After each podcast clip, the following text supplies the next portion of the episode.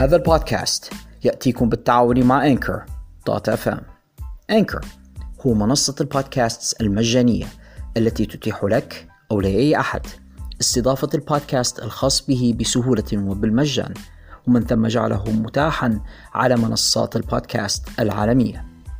إنهم يفعلون ذلك لإيمانهم بحرية الكلمة بكل بساطة ونحن بدورنا ممتنون لهم جدا.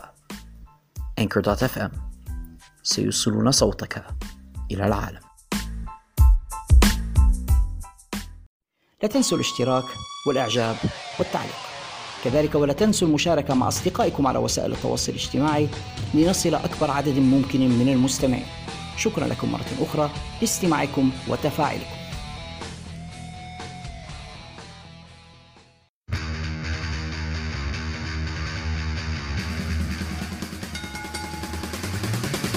أقوى المواجهات. وأكبر النزالات كلها تجري في مكان واحد. في الحلبة. البرنامج الإذاعي الأول في ليبيا والوطن العربي لمصارعة المحترفين وفنون القتال المختلطة.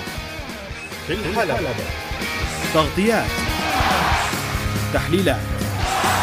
وأخبار من مختلف الاتحادات حول العالم.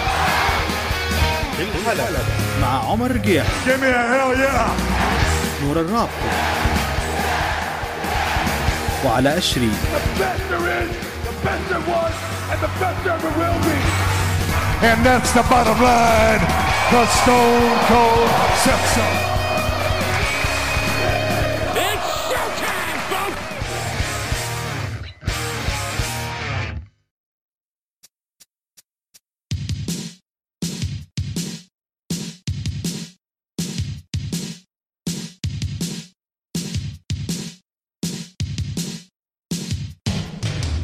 بسم الله الرحمن الرحيم.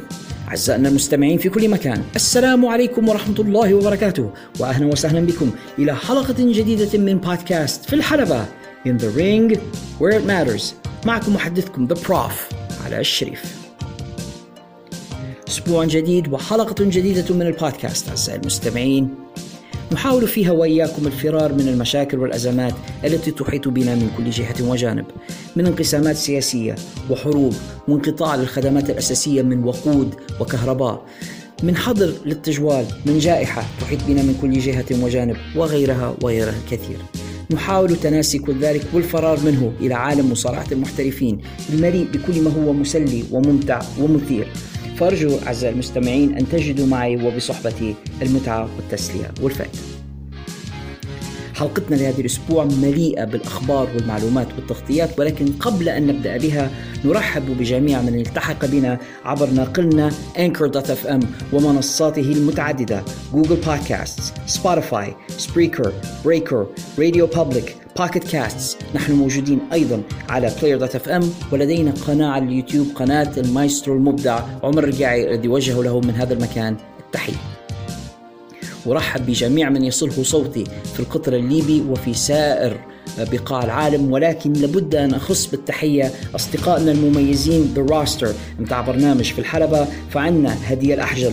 عنا أشرف الفرجاني محمد البدري أكرم حدود محمد علاء الدين العزابي محمد عبد السلام محمد ياكو عبد المجيد أبو عزة جهاد قدورة عبد الرحمن عز حسام تي دغمان وينضم إلينا عضو الجديد في ال roster The Game حسين حسين. تحية لكل هؤلاء جميعا فردا فردا ولو فاتني حد أو نسيته أرجو أنا ما يزعلش مني الأصدقاء كتر والذاكرة أحيانا قد تقصر أو حتى تغيب. في الحلقة الماضية من البودكاست الحلقة 47 كنا قد عقدنا مسابقة آه، طرحنا فيها ثلاثة أسئلة في الواقع مش سؤال واحد أو سؤالين ولكن ثلاثة أسئلة والجائزة كانت حتكون كبيرة. خلينا نشوف مع بعضنا شين كان سؤال الحلقة أو بالأحرى أسئلة الحلقة وبعدين حنعلنوا عن الفائزين. الأسئلة كانت من واقع حلقة 47 كالآتي. السؤال الأول كان من هي الأسماء التي كانت مقترحة من طرف بريت هارت ليخسر لحسابهم بدل شون مايكلز في The Montreal Screwjob بريت كان معترض على الخسارة لحساب شون مايكلز وكان حيخسر لأي أحد آخر وكان قد اقترح على فينس ماكمان مجموعة من الأسماء. ما هي تلك الأسماء؟ الإجابة الصحيحة بريت كان قد اقترح Stone Cold ستيف أوستن أندرتيكر ميك فولي وغيرهم الكثير. السؤال الثاني كان من هو الذي اقترح الاتحاد AEW أن يعقد عروض للمصارعة على هامش مهرجان Fyter Fest لألعاب الفيديو؟ الجواب الصحيح هو كيني أوميجا. السؤال الثالث كان من الشخص الذي يتوقع أن يصبح مدير أو مديرة أعمال نايلا روز؟ اللي منكم الآن شاف حلقة AEW عرف الإجابة ولكن إحنا كنا قلناها من حلقة الأسبوع اللي فات إن فيكي جريرو. هذه كانت الأسئلة وإجاباتها والجائزة اللي آه، حتكون على للفائزين في هذه المسابقة الجائزة هي مفتاح كهف علاء الدين أو كهف علي بابا في الواقع. آه، حنعطي access للفائزين إنهم يوصلوا لل collection بتاعي معلوم عندي كم كبير من الديفيديات وال hard disks المليئة بمعلومات وحاجات لها علاقة بالمصارعة. فحنتفاهم مع الفائزين على طريقة لتسليمهم بعض المحتويات اللي موجودة على ال hard disks بتاعتي سواء نحن نلتقوا بشكل شخصي إذا كانوا موجودين في مدينة طرابلس أو ندور كيف نبعثها لهم اونلاين المهم إن الفائز حصل مفتاح لكهف علي بابا. والفائزين لهذا الأسبوع هم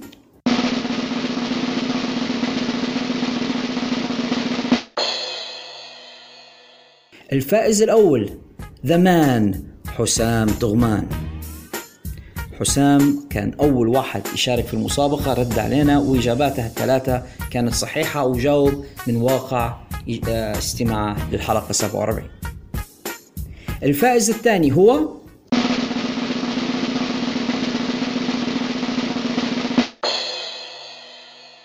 ما فيش أفضل من هدية الأحجل.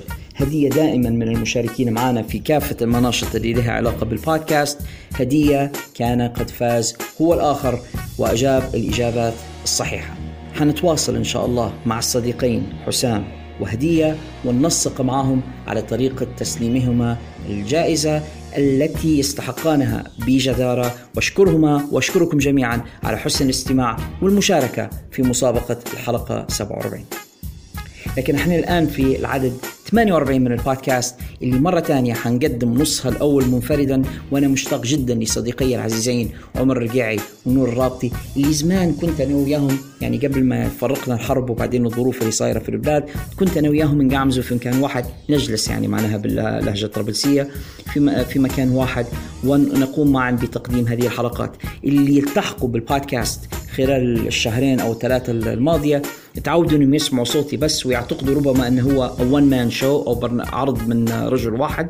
لكن الحقيقة إنه البودكاست كان عبارة عن 3 man crew كان فريق من ثلاثة أشخاص وأحيانا كنا حتى أربعة نقدم البودكاست معا. وكان الحقيقة مسلي أكثر بالنسبة لي لما كنا team نقدمه مع بعضنا. أفضل من أن واحد يقدم بنفسه. أولا لأن مسلي بالنسبة للمستمع أكثر أنه يسمع conversation أو يسمع حوار ما بين المقدمين وخاصة لما يكون في يعني نوع من مش حنقول عركات لكن جدالات وآراء مختلفة وتضارب في الآراء فهذا يقدم للمستمع نوع من من التسلية والمتعة.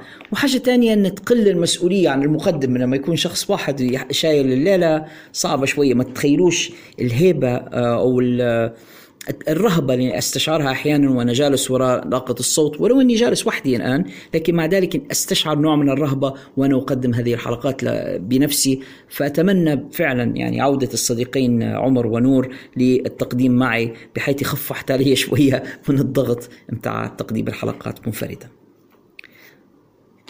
طولت شوية في المقدمة هذه المرة فخلينا نخش مع بعضنا الآن في فقرات الحلقة 48 من بودكاست في الحلبة. حنبدو بفقرة أخبار المصارعة لهذا الأسبوع. خبرنا الأول له علاقة بأكبر شرير في عالم المصارعة وأكبر شرير في العالم في الواقع كوفيد 19 أو مرض كورونا. وأرجو يعني بهذه المناسبة من جميع أصدقائي المستمعين إنكم تكونوا بالفعل تتبعون التعليمات الصحية الصحيحة بالبقاء في البيت بقدر المستطاع عدم الخروج إلا للضرورة القصوى وفي حال الخروج ارتداء ارتداء الأقنعة غسل اليدين ومراعاة التباعد الاجتماعي. عدم الالتزام بذلك قد يؤدي إلى إصابتك بالمرض زي ما صار مع بطل خبرنا الأول المصارع المعروف سابقا باسم روسف واللي اسمه الآن ميروسلاف.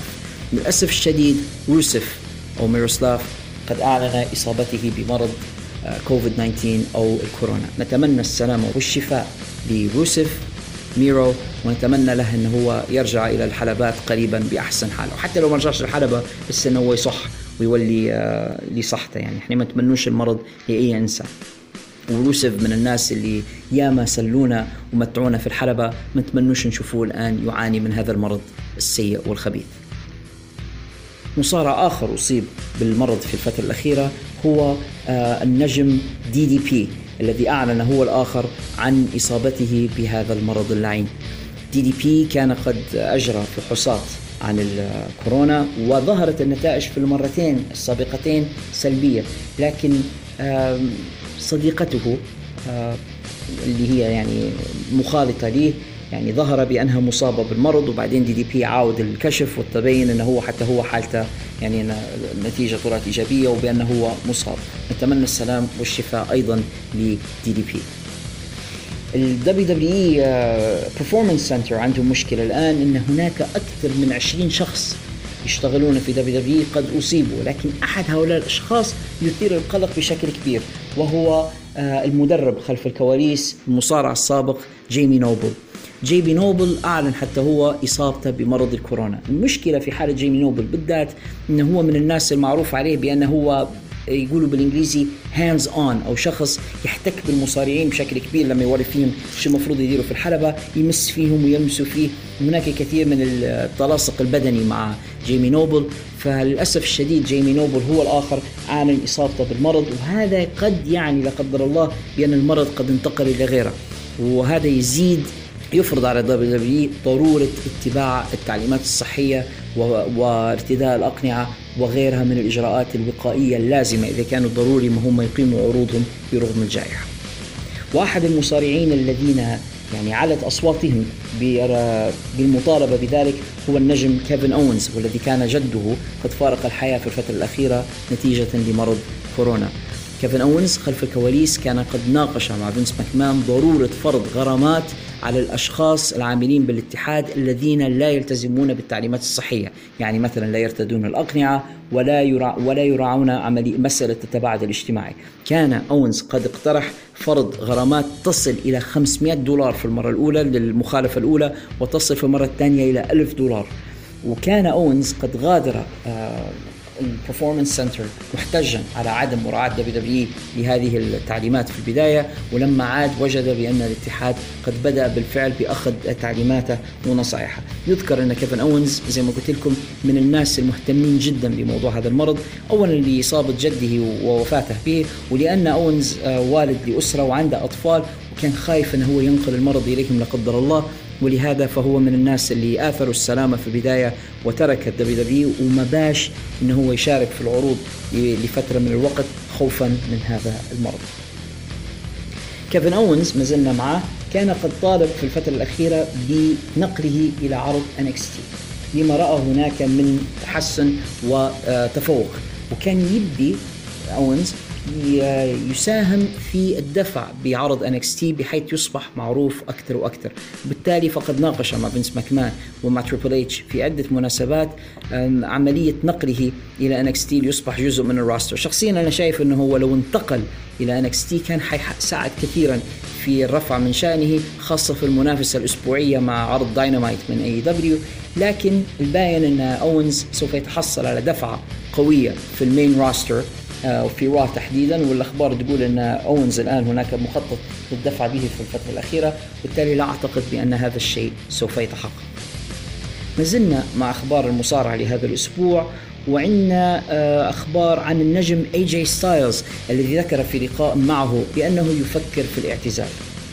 AJ ستايلز قال بأنه سوف يستمر في الحلبة ما دام عقله وجسده قادرين على القيام بما يقوم به في الحلبة. ولكنه قال لأن أحيانا عقله يقول له إنه يقدر يدير شيء بينما جسده يقول له بأنه مستحيل يعني مستحيل أن يقوم بهذا الشيء. وبأن هناك دائما حالة جدال ما بين عقله وجسده.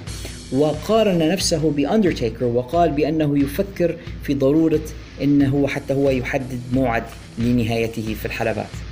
لكن بما أن جي ستايلز كان قد وقع السنة الماضية عقدا جديدا مع WW فيبدو بأن هذا الشيء لن يحصل في الوقت في الوقت القريب. وسنرى AJ ستايلز في السنتين أو الثلاثه القادمتين مصارعا في صفوف WW وهو حاليا زي ما إحنا عارفين حامل للقب ال Intercontinental Championship هناك. فلا أعتقد إنه ذهب إلى أي مكان في الوقت القريب. وعلى ذكر العقود والاعتزال كان قد ظهر في في الآونة الأخيرة إشاعة غريبة عن النجم جون سينا حيث ذكرت بعض المصادر أن عقد جون سينا مع WWE قد انتهى وبأنه قد أصبح يعني قادرا على الذهاب للمصارعة لحساب أي اتحاد آخر.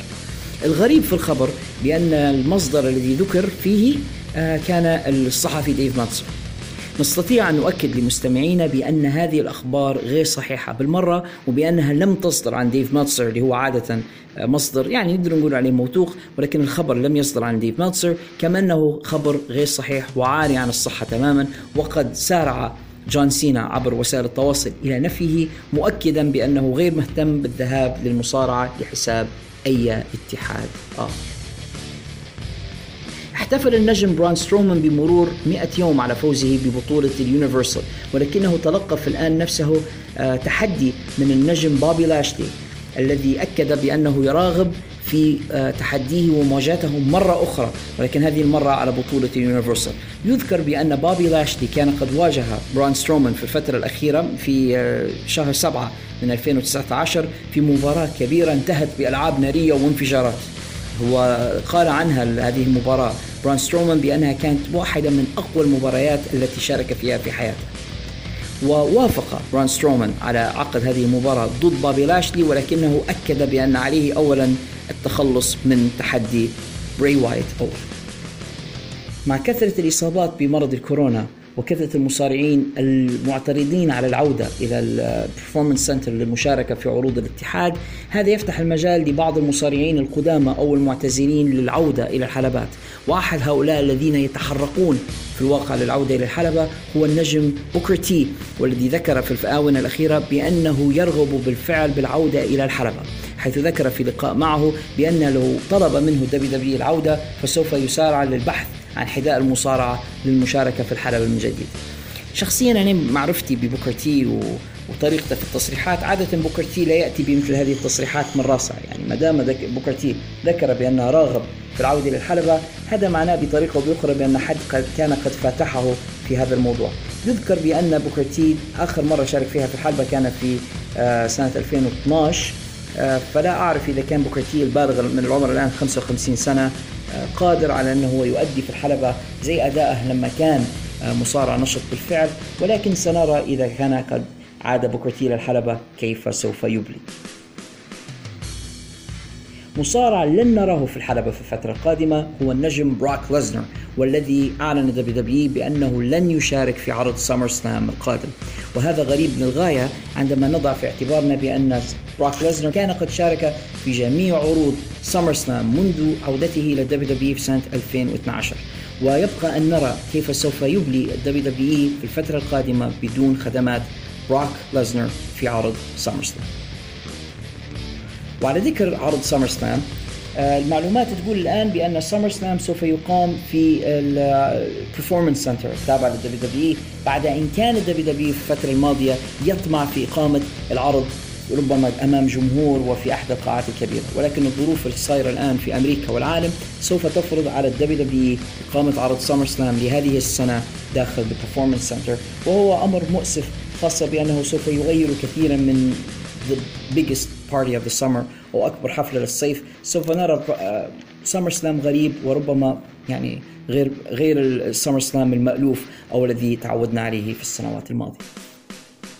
جميع المصارعين الذين تم آه، إطلاق سراحهم في الخامس عشر من آه، أبريل الماضي بسبب آه، عجز WWE عن الاحتفاظ بهم أيضا بسبب الجائحة سوف يصبحون الآن طليقي السراح ومن حقهم بعد انتهاء أو مرور 90 يوم أن يشاركوا في أي اتحادات أخرى يريدون الانضمام إليها.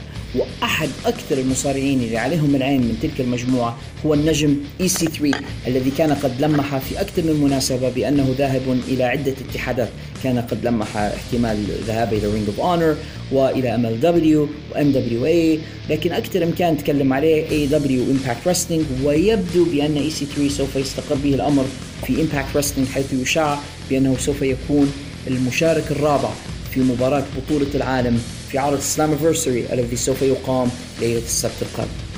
ويبقى أن نرى ما الذي سيفعله EC3 اللي أنا شخصيا شايفه مصارع كبير بإمكانه يقدم الكثير لأي اتحاد ينضم إليه خاصة هو زي ما ديما نقولوا عليه يمتلك ال look يمتلك الشخصية ويمتلك القدرة كذلك. بس لو هو يحصل فرصة للظهور في امتحان في في اتحاد جيد يمنحه المجال لإظهار ما لديه من مواهب وإمكانيات. وعلى ذكر AEW آه ذكر الصحفي ديف ميلتزر بأن شخصية روبرت ستون التي تظهر على شاشة NXT هي في الواقع تقليد والمقصود بها يعني السخرية من توني خان رئيس اتحاد AEW لو تلاحظوا شكل آه روبرت ستون اللي كان اللي يؤديها الآن المصارع السابق في Impact Wrestling رابي إي. طريقة اللبس والنظارات وغيرها هو يحاول بطريقة أو بأخرى تقليد شخصية توني كان والرمزية أنه هو هذا روبرت ستون يحاول يضم المصارعين إلى ال brand الخاص به ويرفضون الانضمام إليه. هم قاعدين يحاولوا يلمحوا على رفض المصارعين الانضمام إلى AEW وهذه يعني ضربة أخرى من تحت الحزام زي ما يقولوا وتوجه فيها WWE بشكل غير مباشر إلى AEW وفي شخص رئيسها اللي هو توني كان. وما زلنا مع توني كان الذي آه، في الفترة الأخيرة كان قد أجرى مؤتمرا صحفيا تكلم فيه عن مجموعة من الموضوعات حيث تكلم عن مايك تايسون الملاكم الشهير الذي ظهر معهم في بعض المناسبات وأكد إعجابه الشديد بمايك تايسون ورغبته في عودة مايك تايسون إلى AEW من جديد حيث ربما يستطيعون عمل شيء معه يعني تنظيم مباراة ضد كريس جيريكو التي يعتقد بأنها ستكون ناجحة للغاية. ولو اني أنا شخصيا شايف الموضوع هذا إن هناك نوع من ال double standard أو المعايير المزدوجة في التعامل مع مايك تايسون وغيره من المؤدين. يعني هم عاقبوا سامي سامي جيفارا لتصريح كان قد أدلى به قبل حتى انضمامه إلى AEW حاجة خاطئة كان قالها يعاقبوا فيه على خاطرها. بينما مايك تايسون هو بالفعل شخص يعني تم إدانته وسجنه بتهمة ارتكاب الجريمة اللي كان يتكلم عليها بس سامي جيفارا سامي جيفارا كان يتكلم على الاغتصاب بينما مايك تايسون مغتصب بالفعل فأنت من جهة تعاقب المصارعين لمجرد شبهة الكلام عن هذا الموضوع وتبي تتعاين تبي تتعاقد مع شخص كان بالفعل قد ارتكب هذا الفعل. الموضوع يبدو لي غريب شوية ولكن آه، باين إن ال business لا دين له. توني كان كذلك في هذا المؤتمر أثنى على إيريك بيشوف يا ساتر وحيث قال بأن النجاح بين قوسين الذي أحرزه إيريك بيشوف مع قنوات TNT هو الذي مهد المجال أمام توني كان لاحقا بعد 20 سنة انه يتعاقد مع نفس القناة ليجلب إليه اتحاد AEW. أنا شخصيا أتمنى أن لا يكون هذا الغزل ما بين توني كان وإيريك بيشوف تمهيدا للتعاقد مع إيريك بيشوف. إحنا نعرفوا بأن ما فيش اتحاد إيريك بيشوف حط رجله فيه ونجح. يعني جاي لل AWA زمان وبعد شوية ال AWA غرق. انضم إلى WCW تمتعوا بقليل من النجاح ثم غرقوا. آه، ذهب إلى TNT ذهب إلى TNA وبعد فترة TNA يعني نعرف وضعها. ال WWE تفطنوا ان الموضوع بسرعة أحضروه لبضعه أشهر وتخلصوا منه قبل ما هو يتخلص منهم. الشاهد إيريك بيشوف يساوي cancer أو سرطان بالنسبة لاي اتحاد ينضم إليه. أتمنى من كل قلبي إن AEW لا يرتكبون هذا الخطأ ولا يتعاقدون مع إيريك بيشوف ولكن يعني يا ساتر وخلص هذا نقدر نقوله تو ما زلنا مع أخبار اتحاد AEW ونجمها كودي الذي اجرى هو الآخر عدة لقاءات في الفترة الأخيرة. ففي أحدها تحديدا مع موقع talkSPORT أكد الأخبار اللي كنت أنا شخصيا شككت فيها في الحلقة الماضية من البودكاست. أكد بأنه بالفعل كان قد جرت مفاوضات ما بينه وبين النجم سي إم بانك وبأن سي إم بانك بالفعل زي ما قال كونان كان قد طلب سي إم بانك مبلغ كبير للغاية ولم يكن متأكدا هو وإدارة AEW قصدي كودي أن سي إم بانك يستحق هذا المبلغ وبالتالي لم يستطيعوا التوصل إلى التعاقد مع سي إم بانك. في تعليقي هذا على هذا الخبر هذا يدل إن الاتحاد مش عارفين مصلحتهم صراحة. لانهم هم دفعوا أكيد مبالغ كبيرة لجيريكو وجون موكسلي. أنا متأكد إن المبالغ اللي طلبتها اللي طلبها سواء كريس جيريكو أو جون موكسلي لن تزيد كثيرا عن ما تم آه، طلبه من آه، طرف سي إم بانك. هذا لو صح بالفعل إن سي إم بانك طلب مبلغ كبير. لكن الملفت الموضوع إن سي إم بانك يستحق مبلغ زي هذا. يعني زي ما تكلمنا ربما بإسهاب في حلقه الأسبوع الماضي نجم زي سي إم بانك لو تم دفع هذا المبلغ إليه أنا متأكد أن بانك بانضمامه ل AEW بامكانه ينجح هذا الاتحاد. فما كانش يعني شيء اللي هم يرفضوا على خاطر. وأعتقد أن سي إم بانك الآن هو free agent وأعتقد أن باب ال WWE مش مفتوح بالنسبة له في الوقت الحالي. ففرصة جيدة بالنسبة ل AEW انهم هم يعاودوا من جديد فتح هذا الموضوع والاستفادة من سي إم بانك ما دام ما زال في سن تسمح له بالمصارعة أحسن ما هو يعني خلاص تريح منه هو ومنهم هم فرصة الحصول على خدمات هذا النجم الكبير. ما زلنا مع النجم كودي الذي تحدث عن احتمال آه، بدء عصابة جديدة شبيهة ب The Four Horsemen. يذكر بأن ال podcaster القريب يعني واللي عنده علاقة وطيدة مع AEW كونراد تومسون كان قد تمكن بالفعل من تسجيل حقوق الاسم Four Horsemen طبعا إحنا نعرف بأن الحقوق هذه حقوق الملكيه الفكريه هي يعني مش مش ملكية مدى الحياة ولكنها تسقط ويمكن تجديدها من جديد.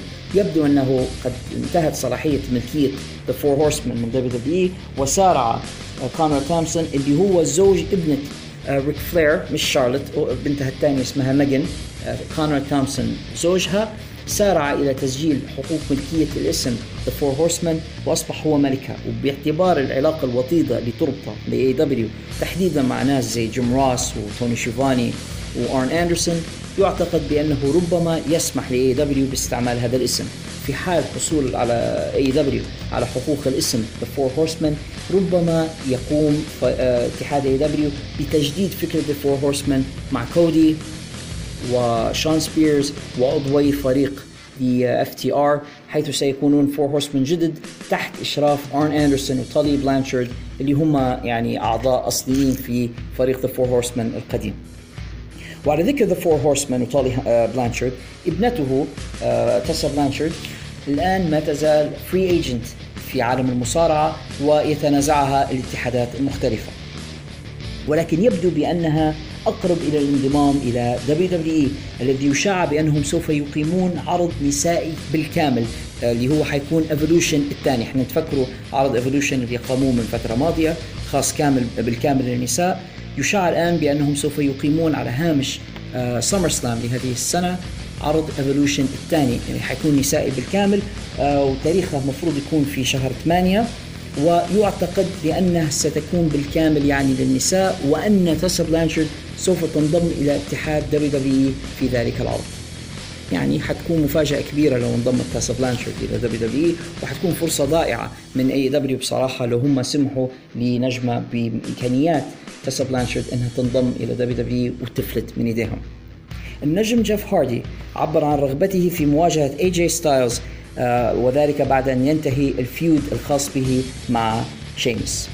وكان آه، جيف هاردي قد صرح بأن اي جي ستايلز كان أول خصم واجهه جيف هاردي عندما كان في TNA وأنه يذكر كم كان متهيبا من مواجهة ستايلز لأنه كان رائعا للغاية في تلك الأيام. كذلك هو يطمع آه، بمواجهة كل من رومان رينز وبري وايت قبل اعتزاله.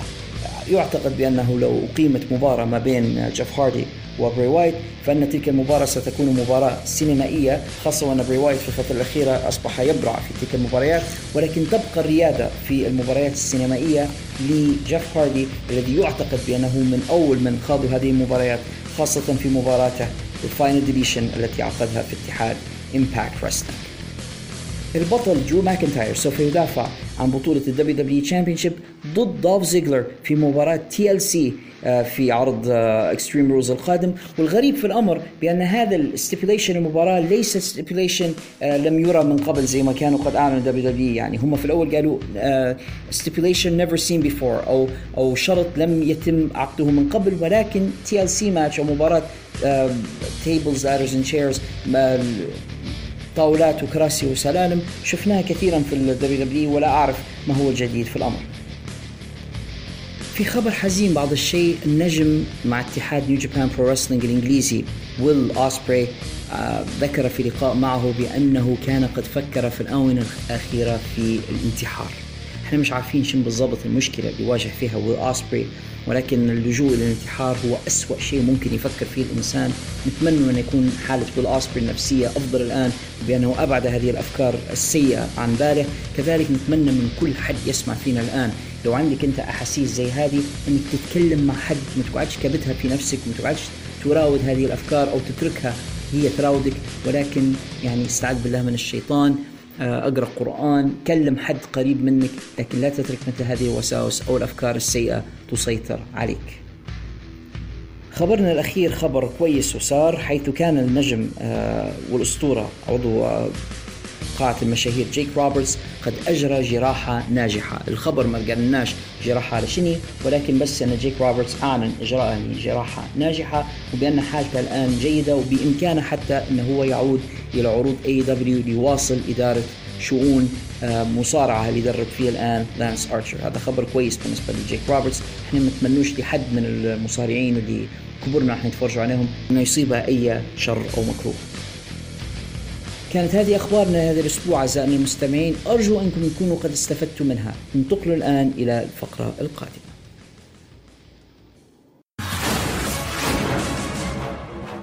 دعونا نلقي نظرة الآن على ترتيب المصارعين لهذا الأسبوع وذلك بحسب تقييمات مجلة Pro Wrestling Illustrated العريقة مع ملاحظة أنه بسبب الجائحة فقد بدأت تقييمات المجلة تتأخر بعض الشيء وبالتالي فإن آخر تقييم كانت قد قامت بنشره كان قبل إقامة عروض اتحاد New Japan Pro الأخيرة وبالتالي لم تؤخذ نتائج تلك العروض بعين الاعتبار عند إعداد تلك التقييمات. ونبدأ بتقييمات المصارعين الفرديين الرجال من جميع الاتحادات بصفة عامة والتي تحتل مركزها العاشر لهذا الأسبوع بطل الولايات المتحدة من اتحاد WWE أبولو كروز في المرتبة التاسعة بطل اتحاد Major League Wrestling جيكوب فاتو في المرتبة الثامنة بطل NXT السابق آدم كول في المرتبة السابعة بطل اتحاد AEW في فئة التلفزيون أو The TNT Champion كودي رودز في المرتبة السادسة بطل اتحاد Ring of Honor حلبة الشرف روش في المرتبة الخامسة بطل NXT المتوج حديثا وبطل الأمريكا الشمالية كيث لي في المرتبة الرابعة بطل اتحاد New Japan Pro Wrestling السابق وكذلك البطل السابق لفئة القارات بنفس الاتحاد تيتسويا نايتو في المرتبة الثالثة بطل ال WWE Universal برون سترومان. في المرتبة الثانية بطل اتحاد AEW العالمي جون موكسلي وفي المرتبة الأولى بطل اتحاد WWE درو ماكنتاير. ننتقل إلى تقييم الفرق الثنائية. والتي تحتل مركزها العاشر لهذا الأسبوع من اتحاد AEW فريق The Young Bucks نيك and مات جاكسون. في المرتبة التاسعة من اتحاد Big Japan Pro Wrestling إسامي كوداكا and يوكو مياموتو. في المرتبة الثامنة من اتحاد AEW كذلك The Butcher and the Blade. في المرتبة السابعة بطلا اتحاد Ring of Honor للفرق الثنائية جاي ليثال and جوناثان جريشام في المرتبة السادسة بطلا اتحاد Impact Wrestling للفرق الثنائية The North ايثان بيج and جوش الكساندر في المرتبة الخامسة بطلا NXT للفرق الثنائية Imperium فابيان أيكنر and مارسيل بارتل في المرتبة الرابعة بطلا اتحاد New Japan Pro Wrestling للفرق الثنائية هيروشي تاناهاشي and كوتا إيبوشي في المرتبة الثالثة بطلا WWE SmackDown للفرق الثنائية The New Day Big E and كوفي كينغستون في المرتبة الثانية بطلا اتحاد WWE من Raw للفرق الثنائية The Street Profits أنجلو داكنز and مونتيز فورد وفي المرتبة الأولى لهذا الأسبوع بطل اتحاد AEW للفرق الثنائية كيني أوميجا and آدم بيج يقولون بأن النساء أولا ولكن في تقييمات Pro Wrestling Illustrated تتأخر تقييمات النساء إلى النهاية ومعنا في تقييمات المصارعات لهذا الأسبوع. في المرتبة العاشرة القادمة الجديدة إلى NXT مرسيدس مارتينيز في المرتبة التاسعة من اتحاد WWE نيكي كروس. من NXT في المرتبة الثامنة لهذا الأسبوع كانديس ليراي أيضا من NXT في هذا الأسبوع في المرتبة السابعة تيغان نوكس. في المرتبة السادسة لهذا الأسبوع بطلة ال Knockouts من اتحاد Impact Wrestling جوردان جريس.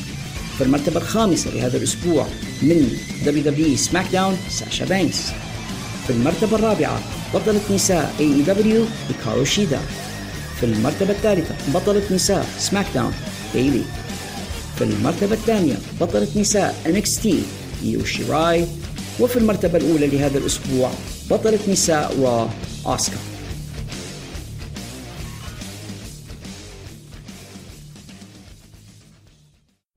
ونصل الآن إلى فقرة حقيبة الرسائل. The Mailbag. You've got mail. وهي إحدى الفقرات المحببة إلى نفسي فهي تتيح لي وبشكل مباشر الرد على ما لدى أصدقائنا المستمعين من أسئلة واستفسارات وملاحظات وحتى من انتقادات بحيث يصبح الصديق الذي يراسلنا في هذه الفقرة بمثابة عضو في فريق إعداد هذا البودكاست. وفي حقيبة الرسائل لهذا الأسبوع لدينا رسالة من الصديق الهمام محمد عبد السلام الذي بالإضافة إلى كونه محب لبودكاست في الحلبة ونشكره على ذلك طبعا وعلى وفائه للبودكاست هو أيضا متابع لبودكاستات جيم كورنيت. وبهذا الصدد يسألنا الصديق محمد عن سبب إطلاق جيم كورنيت للقب كيني أوليفر على النجم كيني أوميجا للإجابة عن السؤال لابد طبعا من نحن ناخذ step back أو خطوة إلى الوراء لتوضيح خلفيات المسألة. جيم كورنيت الذي كان مدير أعمال في الثمانينات في اتحاد the NWA كان طبعا أشهر حاجة آه، كان مدير أعمال لها فريق The Midnight Express وبعدين انتقل إلى WWF وشفناه مديرا لأعمال آه، يوكوزونا وبعدين يوكوزونا وأوين هارت. شفناه مديرا لاتحاد Smoky Mountain Wrestling كان في اتحاد WWF كعضو في فريق إبداع. اشتغل في TNA فترة اشتغل في Ring of Honor فترة. ظل يتنقل ما بين الاتحادات بحيث إنه دار فيها كلها وبعدين شفناه معلقا مؤخرا يعني في اتحاد MLW ومعلقا في NWA قبل أن يتم آه، فسخ عقده مع NWA بسبب تعليقات عنصرية كان قد أدلى بها أثناء تعليقه على احدى الحلقات. كورنيت معروف بآرائه الصريحة جدا واللي توصل إلى درجة الانتقادات اللاذعه لبعض الناس ممكن أكثر واحد اشتهر آه، كورنيت بهجومه اللاذع والقاسي عليه آه، عضو فرق ابداع عدة اتحادات فينس روسو اللي هاجمه كورنيت بضراوة وبدون رحمة لدرجة انه هو هدد بالقتل. ما أجبر فينس روسو انه هو يستصدر من عن طريق الشرطة يعني محضر بعدم التعرض على جيم كورنيت. لهالدرجة يعني كان فينس روسو خايف من اعتداء جيم كورنيت عليه وهذا مش kayfabe هذه حاجة حقيقية. هذه الأيام يصب جيم كورنيت جام غضبه على اتحاد All Elite Wrestling AEW والذي يطلق عليه كورنيت اسم All Petite Wrestling. كلمة Petite معناها نحيل أو رقيق. فهو يرى أن اتحاد AEW كلهم مصارعين صغار الحجم. طبعا الكلام هذا مش صح. لو كان متابع جيد هو ل All Elite Wrestling أو لو كان منصفا لشاف العمالقة الموجودين الآن زي براين كيج وزي واردلو ومجموعة مصارعين آخرين يعني ضخام الحجم لانس ارشر وغيرهم. فهو يعني ما جابش فيها هذه بصراحة. المهم آه زي ما قلت لكم هو يصب جام غضبه على اتحاد All Elite Wrestling ليلا نهارا في البودكاست بتاعه أو في البودكاستات التي يظهر فيها ضيفا واللي يتحصل على نصيب الأسد من هذه الانتقادات النجم كيني اوميجا الذي بالفعل أطلق عليه آه، كورنيت اسم كيني أوليفر. فنفسر هذه التسميه هناك ممثل إنجليزي شهير أسطوري اسمه لورنس أوليفر سير لورنس أوليفر وكان يعني من أعظم الممثلين في تاريخ المسرح البريطاني وينظر إليه أنه أحد من أعظم ممثلي المسرح في العالم يعني لدرجة أنه اختير لقب السير من ملكة إنجلترا. تعرف يا محمد لما تبي تشتم واحد لمؤاخذة فبدأ واحد مثلا نقوله غبي فدائما تقول يا غبي تقول يا ذكي يا دماغ يا عبقري يا كذا. عرفت؟ يعني إحنا عادة عندنا طريقة إحنا نشتم حد بعكس ما فيه. مثلا الشخص السمين يقولوا له يا ضعيف الشخص الضعيف يقولوا له يا سموني وهكذا يعني. فواحد طويل يقولوا له يا دريا عرفتوا فممكن الفكرة وصلت. ف كورنيتي بينتقد سوء تمثيل كاني اوميجا من وجهة نظره هو يرى إن كاني اوميجا ممثل سيء. وانه هو over أكتر انه هو يبالغ في التمثيل في الحلبة وإن تمثيله الدرامي والقائه في ال promos سيء. هذا رأي كورنيت طبعا مش رأيي أنا بالضرورة. فهو بدل ما يقول له إنه هو ممثل سيء هو يقول أنت كاني أو مش كاني أوميجا كاني أوليفر وكأنه يقول له آه يعني عكس ما فيه. يوصف فيه بين يستخدم لقب أعظم ممثل في التاريخ للكناية عن سوء تمثيل كاني أوميجا. هذه هذه الفكرة يعني هذا السبب علاش يقول لك كاني أوليفر. وهي زي ما قلت لكم لما واحد يبي يقول لي واحد يا يا غبي فيقول له يا أينشتاين مثلا فهي بالطريقة هذه نضرب لها المثل بعكسه. آه هذا سبب التسمية بكاني أوليفر وأنا لا أتفق مع جيم كورنيت في الكثير من آراء مع احترامي ليك يا محمد كمتابع لجيم كورنيت. أرى أن كورنيت شوية قاسي في تعليقاته وفي هجومه على الكثير من الشخصيات بعضها لا يستحق في رأيي هجومه. في المقابل في شخصيات يحبها كورنيت أنا لا أتفق معه في في محبته لها لكن هذه آراء في النهاية. آه، من حقك طبعا إنك تتابع جيم كورنيت وبالعكس interesting إن عندنا مستمعين مصارعه ليبيين يتابعوا في جيم كورنيت هذه حاجة حلوة. بس احذر شوية منها راهو. جيم كورنيت يدخل في آرائه الكثير من الهوى الشخصي والكثير من ال من ال تقدر تقول العداء الشخصي.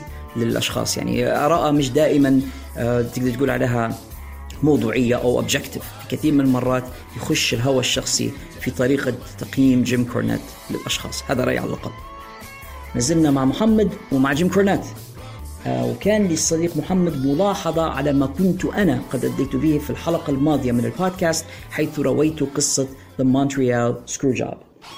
محمد يقول بأني في آه، روايتي للقصة ذكرت بأن جيم كورنيت أحد المكذبين بواقعة The Montreal Screwjob أو الخديعة في مونتريال وأن الواقع أن جيم كورنيت كان بالعكس يسخر من الذين يكذبون بالواقع فلماذا قلت ذلك؟ هو في الأول نبي نشكر محمد على حسن استماع للحلقة الماضية وانتباهه للخطأ الذي بدر مني وفي نفس الوقت أصدقائنا اللي ما سمعوش الحلقة ننصحهم يرجعوا إلى الحلقة 47 في الارشيف بتاعنا يستمعوا إلى حكاية The Montreal Screwjob اللي حكيتها كلها صح باستثناء ممكن التفصيله هذه.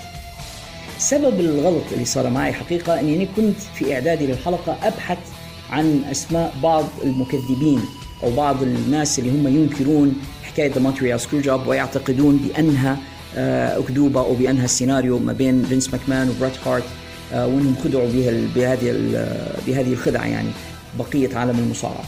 فاني كنت نشوف الأسماء كنت نقرأ في ال headlines أو نقرأ في رؤوس وعناوين الأخبار لقيت كيفن ناش ولقيت سكوت هول ولقيت مجموعة شخصيات أخرى وبعدين لقيت اسم جيم كورنيت في ال في وسط السطور يعني.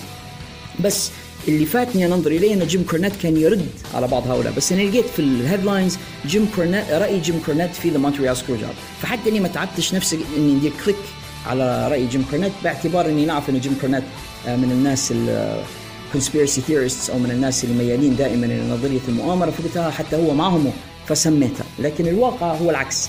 بعد ما محمد نبهني إلى الخطأ الذي بدر آه، قمت بالبحث في الموضوع أكثر فوجدت إن جيم كورنيت مش بس من المكذبين آه، أو من المدافعين آسف عن حقيقة The Montreal Screwjob بل إن جيم كورنيت كان المسؤول عن وقوع The Montreal Screwjob حنقول لكم بسرعة كيف صار هذا. جيم كورنيت كان موجود في غرفة الاجتماعات أنت عارف ال WWF الليلة ليلة ال Montreal Screwjob يعني جيب بنقول الليلة الغبرة يعني. ليلة ال Montreal Screwjob عندما كان مكمان وجنرالاته يستشيرون بعضهم كيف يديروا في بريت هارت الرافض إنه هو يسلم الحزام لشون مايكلز في المباراة. وتعالت الأصوات حوالين المائدة حسب ما يحكي جيم كورنيت نفسه. وكل واحد يقول في رأيه وبدو يتعاركوا. فواحد من الموجودين قال لي جيم كورنيت أنت كيف كنت ستحل هذه المسألة؟ فجيم كورنيت اعتبر الموضوع تحدي.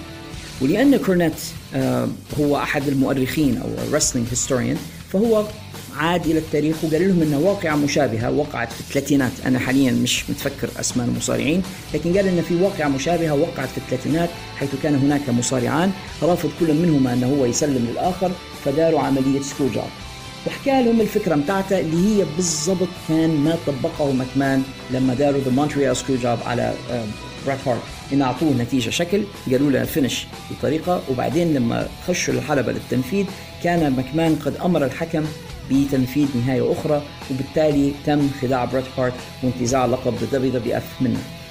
كورنيت هو يحكي عن القصة قال أنا ما كنتش متصدق إن أو ما كنتش متصور إن مكمان كان حياخذ بمشورتي قال لي كنت نتفرج في ال monitor فرأيتهم نفذوا بالضبط اللي أنا قلته في الاجتماع كيف هذيك اللحظة طلعت للمرآب بتاع السيارات وولعت سيارتي وجيت هارب يعني عارف إن لو حد من المصارعين عرف اني يعني وراها اني حناكل طريحة يعني اخاف إنهم ينتقموا منا وإنهم يضربوه. قال وريت قدامي وأنا طالع الحكم إيرل هابنر يولع في سيارته وطالع قبل مني هارب كان من المبنى. كورنيت يؤكد محبته لبريت هارت واسفه أنه هو كان طرف في the Montreal Screwjob من غير ما يقصد لكن هذه حقيقة ما حصل دور جيم كورنيت في the Montreal Screwjob أما بقية ما ما حكيتها أنا في الحلقة الماضية فأعتقد أنه كان صح كله. باستثناء زي ما قلت لكم التفصيلة هذه. أما المكذبين أو أما المكذبون ب the Montreal Screwjob فعندنا زي ما سلف آه، كيفن ناش وسكوت هال دائما ما يكذبان بهذه الواقعة. وعندنا من من الشايبين أو من المصارعين المخضرمين عدد كبير نذكر منهم على سبيل الذكر لا الحصر جيري لولر وهو كان أحد اللي دائما ما يسخرون من هذه الواقعة ويعتقد أن it's إن it's fake كذلك عندك جيك سنيك. يعني وغيره من كثير يعتقدون بأنها fake ولكن نعيد ونؤكد مرة أخرى أنها كانت قصة أو مؤامرة حقيقية وقعت على بريت هارت. نشكرك مرة ثانية محمد على استماعك ووفائك للبرنامج وعلى ملاحظتك الدقيقة للمعلومة اللي بدأت مني الأسبوع اللي فات ونوعدك إن شاء الله في حلقات قادمة نكون أكثر دقة في معلومات شكرا لك مرة ثانية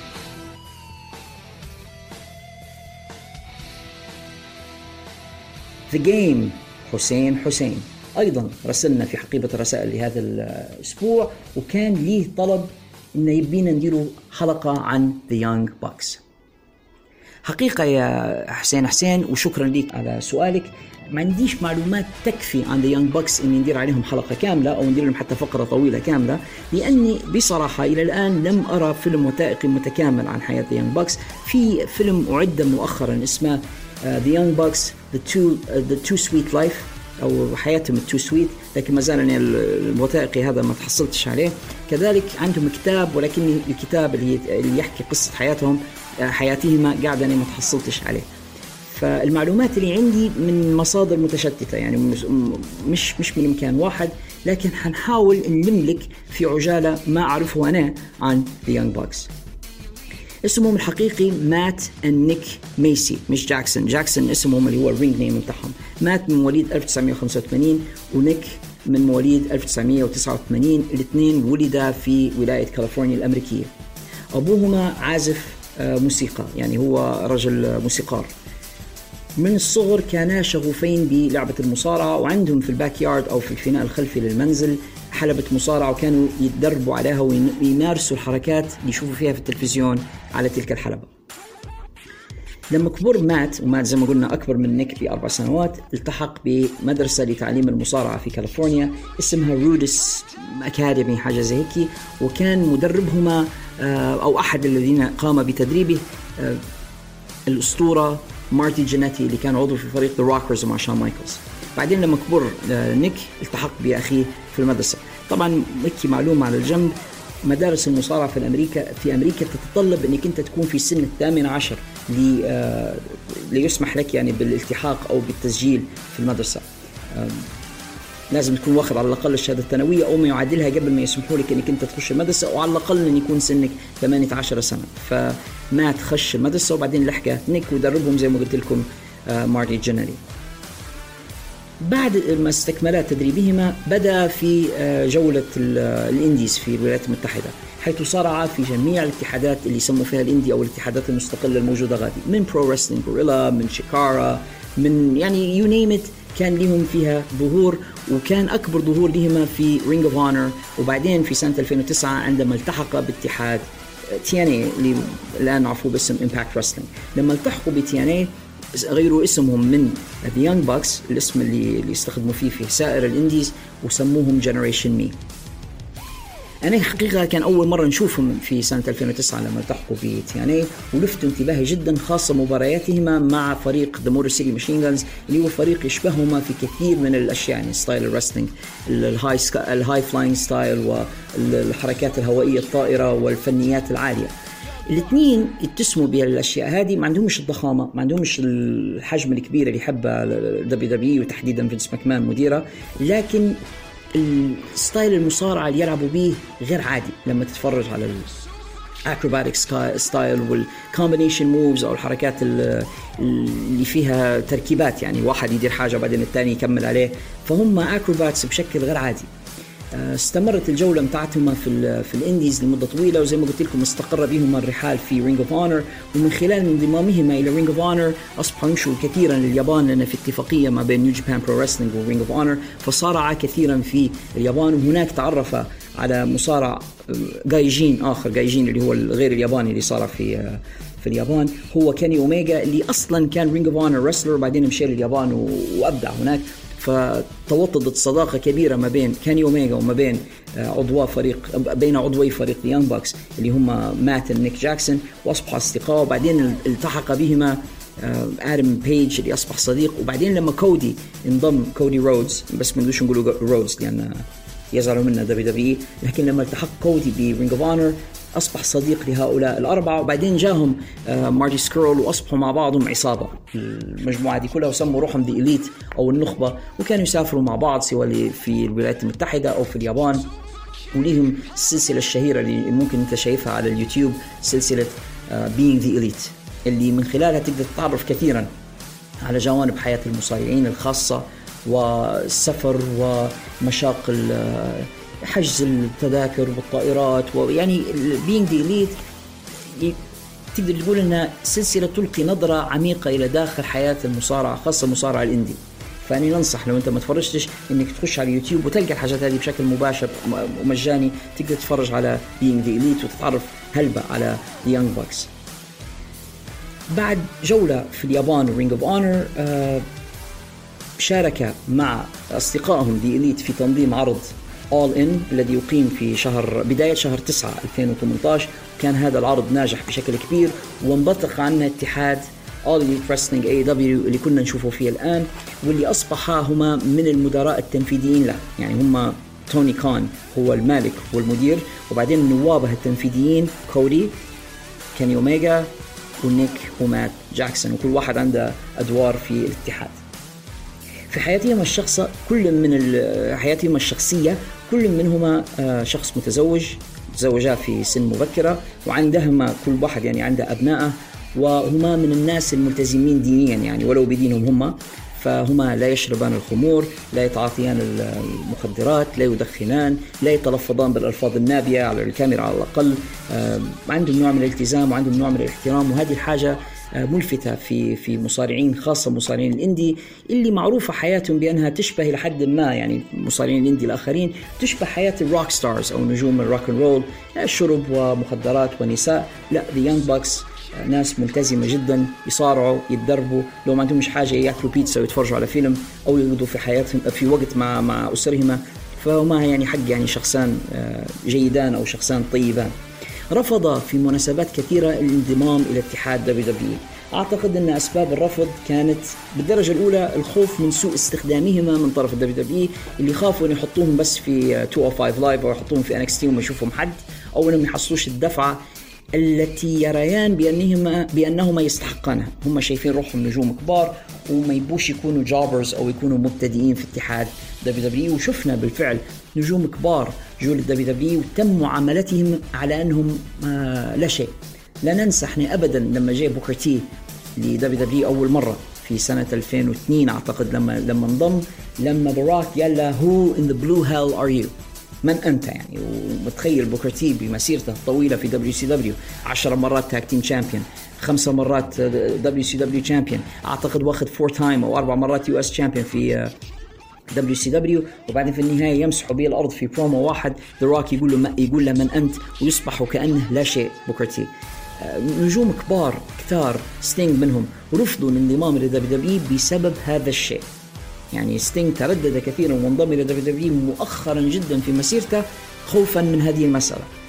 فأعتقد إنه كان سبب أول لرفض Young Bucks الانضمام إلى اتحاد WWE الخوف من سوء الاستخدام، أيضا كان في موضوع ال merchandise أو البضائع والسلع التي تحمل صورهما واسميهما.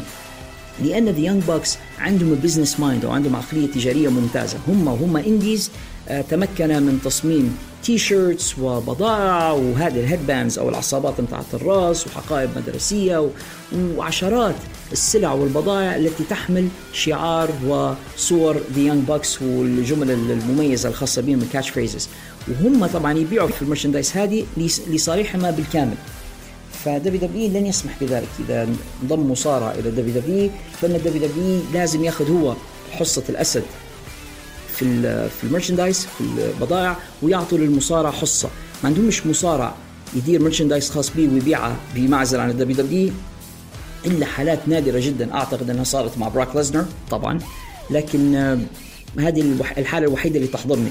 ف The Young Bucks رفضوا أيضا الانضمام إلى WWE خوفا من إنهم يخسروا حصتهم في ال merchandise اللي بالفعل lucrative أو أو مربح جدا لهما وما يبوش يخسروا هذا الشيء في حال انضمامهما إلى WWE أعتقد إن Young Bucks نجحوا في إنهم هم يسطروا لنفسهم آه مسيرة ناجحة خارج WWE أعتقد إنهم حيكونوا من المصارعين القلائل اللي حينهوا المسيرة بتاعتهم بعد إن شاء الله عمر طويل يعني ومسيرة حافلة من غير من إنهم هم يخشوا WWE أو إن يكونوا أعضاء فيه. ما احتاجوش إنهم يكونوا آه في ال WWE ليصلوا إلى الشهرة العالمية، يعني شهرتهم اليوم ك Matt Nick Jackson شهرة عالمية وتقريبا جمهور المصارعة في العالم كله يعرف من هما من غير ما يكونا عضوان في WWE وهذا إنجاز كبير يحسب لهذين المصارعين. مرة ثانية صديقي حسين أنا شاكرك على سؤالك وعلى مشاركتك في البرنامج وعلى وفائك لبودكاست في الحلبة، لو عندك أي أسئلة ثانية لا تتردد في مراسلتنا بها وكذلك جميع المستمعين الآخرين. جميع الأصدقاء الذين يريدون مراسلتنا. يمكنهم ذلك عن طريق وسائل التواصل الاجتماعي. تويتر وفيسبوك حيث لدينا حسابات وصفحات ومجموعات. كلها تحمل الاسم In the Ring في الحلبة. ولكن احذروا التقليد. هناك من يحاول انتحال شخصيتنا باستخدام الاسم الذي يمكنهم للأسف تقليده لكنهم أبدا لا يتمكنوا من تقليد المحتوى. كذلك لدينا موقع هو outofthebox.ly that is O-U-T-O-F T-H-E-B-O-X.ly ودوت الواي على فكرة هو رمز ليبي على شبكة المعلومات الدولية. هناك ستجدون وصلات تحكي عن مجموعتنا وعن البودكاستات الأخرى التي تنتج عنه بالإضافة إلى هذا البودكاست طبعا. وهناك وصلة contact us أو اتصل بنا. يمكنك هناك أيضا ترك ما لديك من أسئلة واستفسارات وملاحظات وانتقادات. نرحب دائما بكل ما لديكم وسوف يسعدنا الإجابة عنه. هذه الحلقة نحن سعداء بالأسئلة التي أتيحت لنا الفرصة للإجابة عنها لكنها كانت قليلة. نريد المزيد. حناخذ فاصل قصير أعزائنا المستمعين. نرجع منها إن شاء الله مع The Phenomenal خالد الشريف الذي سوف أقوم وإياه بتغطية أهم أحداث هذا الأسبوع في المصارعة. فانتظرونا دق الجرس وانتهت المباراة. فهل هذه هي النهاية؟ فكروا ثانية بعد الجرس يحلو الكلام بعد جرس الختام عروض مباريات نتائج تحليلات تقييمات مع خالد الشريف A little bit of the bubbly. وعلاء الشريف I'm the best in the world. بعد الجرس يأتيكم من أسرة بودكاست في الحلبة In the ring where it matters. Woo!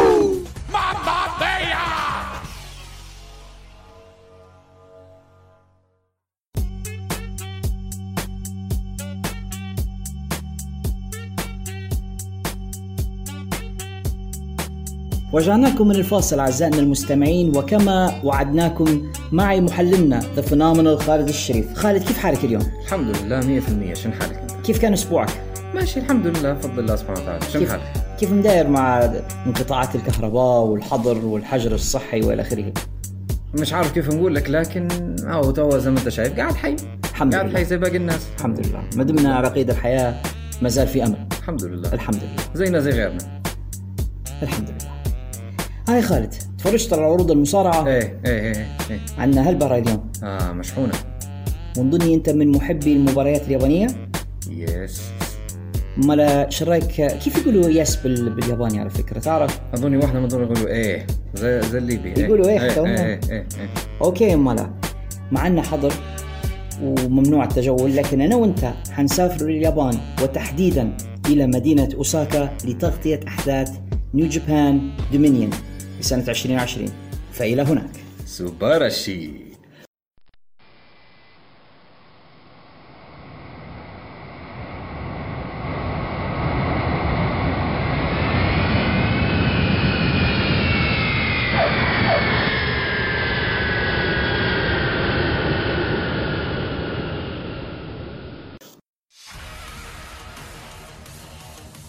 وتحط بنا الطائرة الآن في مدينة أوساكا اليابانية. من بلاد الشمس المشرقة. الحدث هو دومينيون وهو بمثابة سمر سلام الخاص باتحاد اليابان ديما هو حدث سنوي يقام في فصل الصيف. الحضور وهذا أمر ملفت كان عدد 3898 طبعا هم عادة اليابان يديروا أكثر من هيك بهلبة لكن في زمن الجائحة وفي زمن المرض هذا من المدهش انهم قدروا يجيبوا جمهور أصلا. قريب 4000 مت- متفرج والله. قريب 4000 متفرج ناقص ناقص 22 لا ناقص ناقص 100 و... ناقص 112 ناقص 112 لو زادوا 112 مشاهد كان يسكروا 4000 معقول بالنسبة لزمن جائحة. ولاحظنا الجمهور كلهم لابسين أقنعة ولاحظناهم متباعدين وكانوا عاطينهم تعليمات يا خالد بعدم الهتاف أثناء المباريات لأن الأساس انه لما يهتفوا ينتشر الرداد من من الأفوام جلكم الله فطلبوا منهم التصفيق. يعني لما تعجبهم حاجة في المباريات يصفقوا. واليابانيين معروفين عليهم شعب آه، ملتزم ويتبع الأوامر والتعليمات فبالفعل التزموا تماما بالتعليمات اللي تلقوها من المسؤولين أثناء المو- العرض. هم حتى لما كانت الظروف عادية لما تسمعهم كيف آه، يشجعوا في المباريات يصفقوا أيضا. فعلا التشجيع الياباني يختلف كثيرا عن طريقة التشجيع الأمريكية اللي هي هبال وعياط و... ألفاظ نابية. آه، ال- اليابانيين مؤدبين جدا وشعب متحضر. هذا في الحالات العادية يا بالك الآن في زمن هذا المرض اللي نسال الله انه ي- يجليه عنا قريبا. يا رب. طبعا ملاحظ حتى ما كانوا كانوا الفرق الفرق الفنية في البرنامج يديروا في تعقيم للحبال نتاع الحلبة. صح لاحظنا بين كل شوي والتاني يطلع فريق لابسين هم لبسة لبسة تعزلهم تماما لبسة عازلة. بالضبط. وبعدين يلفوا ويخشوا ويعقموا الحلبة وي- ويعقموا الحبال. هذا كله يدل على مدى الاهتمام اللي عندهم في اليابان. وإن شاء الله يا ربي هالمرض هذا يختفي ونفتكوا منه يا رب. نشوفوا مع بعض المباريات اللي كانت في عرض Dominion وبتسامحوني الجمهور في الأسماء اللي حننطقها غلط. أنا لو في الياباني مش قوي يعني. أنا كويس الإنجليزي بس في الياباني ممكن تعبكم شوية. وخالد أنت عندك خبرة شوية في اليابانيين فحتساعدني إن شاء الله. إن شاء الله. مباراتنا الأولى كانت ساتوشي كوجيما ومعاه يوجي ناغاتا. يوجي ناغاتا هذا زمان تفكر فيه مباراة مع كيرت أنجل زمان في لما كانوا في 2008 خشين معهم هلبة ومعاهم واحد اسمه رايسكي تاغوشي. هادم لعبوا ضد فريق اسمه The Great Bash Heel اللي هو توماكي هونما توغي ماكابي توغي ماكابي هذا اللي شكله زي سكوت ستاينر الياباني صح؟ أيوة مزبوط ويدير في سلسلة ومعاهم واحد أجنبي 外人 اسمه جابريل كيد وهذا. ال 外人 الوحيد في المباراة ال- في ال show كله في ال show كله كلهم. كانوا يابانيين المرة كلها هذه كلها المباراة كانت ال six man tag team match ها احكي لنا عليها يا خالد شوي اللي لفت انتباهي في المباراة إنها مباراة ملونة شو تقصد ملونة؟ لأن في هلبة مباريات في في New Japan تلاحظ أن معظم المصارعين يلبسوا أسود يلبسوا لبس أس... لما الشورتات السوداء وال knee pads السوداء وال boots السوداء. يبدو شكلهم زي بعض. خليك من أن أشكالهم خلقتهم زي بعض. لا حتى حتى اللبسه م... تشبه بعضهم. هي خلقة بن... زي بعضها بالنسبة لنا إحنا لكن هم راهم هم, يميزوا. بعض هم يفرقوا في بعضهم تماما. لكن بالنسبة لنا إحنا الجايجين يا ودي نشوفوا فيهم في تشابهات. فأنت لما تقول لي م- مباراة ملونة تقصد ملابسهم كانت مختلفة. أول حاجة اللبس عندك هانوما مثلا. اللي هو زي هوجن برونزي ولابس أصفر. وحتى يذكرني بهارد كور هالي في صبغة شعره حتى هو أيضا مش بس هوجن. عندك تاغوشي لابس أخضر. نتمنى بعض الناس اللي عندنا ما يحسبوش شيء محسوب عليهم يعني. وعندنا عمك آه، يوجي ناغاتا اللي معروف the Blue Justice اسمه فهو كله لبسه أزرق في أزرق مع بعضه. وهو مش بس المباراة ملونة على خاطر ال- اللبس لا حتى تنوع الأساليب والمباراة كانت فيها هيك فقرات تضحك وفيها قفشات وفيها لقطات هيك فالمباراة كانت ممتعة ما كانتش آه، باسلة زي زي مرات هيك في مباريات في New Japan لا مؤاخذة معلش آه، جمهورنا اللي يحبوا New Japan حتى أنا يعجبوني لكن في مرات تكون مباريات فعلا غير تقول يا ريتها تتم لا هذه كانت كانت آه، ترفيهية. مباراة مسلية. إيه كانت مسلية. وجود opener مباراة حلوة يفتحوا إيه، بها العرض. مظبوط. آه فازوا فيها في النهاية الفريق الأول اللي هو آه ساتوجي كوجيما ويوجي ناغاتا ورايسكي آه تاغوشي. هم اللي فازوا في المباراة بعد 9 دقائق و25 ثانية. قديش تعطيهم نجمة أنت يا خالد؟ هذه نعطيها 73 وأنا مش حنخالفك. 73 نجمات بالنسبة لأول مباراة في عرض Dominion ありがとう. ننتقل للمباراة الثانية وهذا اسم أصعب حتى من الأسماء الأولى. عندنا لوس كنا ندربوا عليه إحنا قبل التسجيل. بشوية. Los Ingobernables Los Ingobernables de Japón. هذا نور ينطق فيه صح نور آه، طبعا هو أتوك أ- أ- オタク كبير. オタク كبير نور. فلما كان. لما وربي يعني- نوجه له التحية على الهواء لما كان معنا نور وإن شاء الله نجتمع معه قريبا ينطق في الاسم هو زي السلام عليكم يعني. بس هذا إسباني مش ياباني لكن. بس هو يحب الحاجات اليابانية فاحفظ اللي هي المصارعه اليابانية فاحفظ أسمائهم كلها اسباني على ياباني Los Ingobernables de Japón. de Japón آه، المؤلف من سنادا هيرومو تاكاهاشي وبوشي. هذا ضد فريق كياس. كياس المؤلف هذه مرة من توموهيرو إيشي مصارع قوي جدا إيشي. تورو يانو مصارع اللي نسمي فيه نسخة آه، اليابان من آه، سانتينو ماريلا. مظبوط. واحد كوميدي شوية. ويوتا ممتع جدا. آه، تسوجي. هذا اللي شا... اللي شا... شعره طويل. كانك ت- تتفكر فيه وجسمه غليظ هيك و... ومن الجماعه اللي يلبسوا الاسود حتى هو. مم. يعني ك look مش مميز إلا في شعره. لاحظ إنها اجين مباراة آه، سداسية يعني م- مباراة tag team سداسية. حتى هي كانت مباراة ممتعة. اي كانت آه، اللي اللي يعجبك فيها وجود مصارع زي هيرومو تاكاهاشي.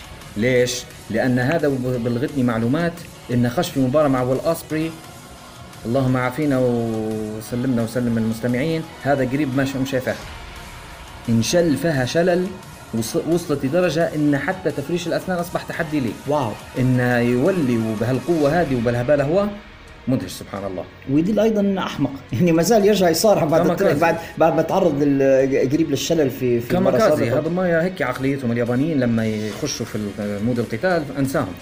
ذكرني بمصارع في Dragon Gate اسمها ياماتو شوية. امم مش قلنا إحنا هذا خبير في الأمور في الشؤون اليابانية معنا خالد.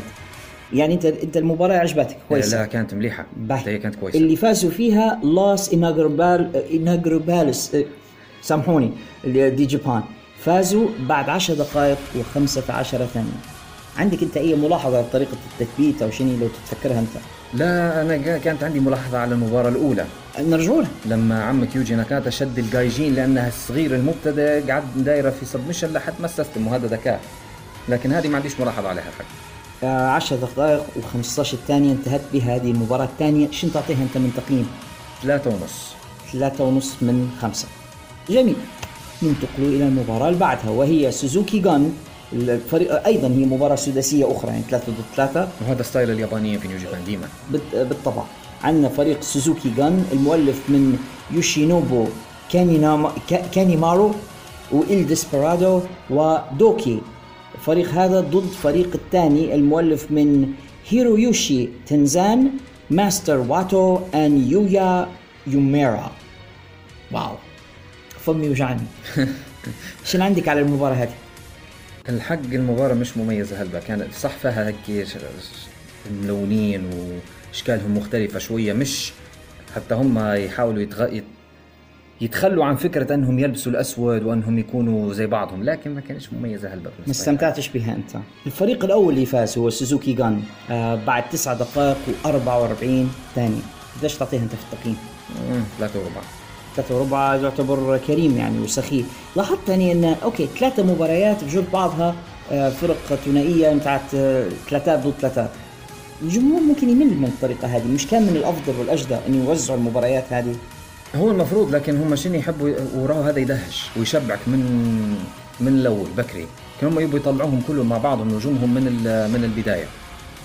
ننتقل للمباراة التالية وهي فريق tag teams The Club المؤلف هنا من يوجيرو تاكاهاشي وتايجي أشيموري. أشيموري هذا نعرفه من TNA كنت أشوف فيه في Impact Wrestling وفي TNA هذا الوحيد اللي نعرفه فيهم بالضبط يعني. والاول ومعهم الأول شبيه إيدي جاريرو فعلا اللي كان عنده اسم ثاني بس مش حنقوله كمان. اسم شوية خاطي إيه. بس يوجيرو تاكاهاشي ومعاه تايجي إشيموري ومعاهم برا واحد اسمه جيدو. جيدو. الشباني هذا. ضد الفريق ضد أعضاء من فريق Chaos هم كازوشكا اوكادا وهيروكي جوتو هذول الزوز أساطير في اليابان. خاصة أوكادا. وكذا عمك هذا البطل ال... بس أوكادا طاحت به من Wrestle Kingdom اللي فات وهو ما عادش أوكادا بتاع زمان يعني حتى الروب بتاعها غيره ما عادش ولا نفس الروب الذهبي وال تحسها في قد قدرة شوية شوية أوكادا. طاحت به شوية طاحت هذه المفروض مباراة كبيرة. إيه لكن ما طولتش يا خالد. 9 دقائق و42 ثانية. قبل ما نقول النتيجة أنت شو رأيك فيها؟ لا كانت شديدة حتى هي.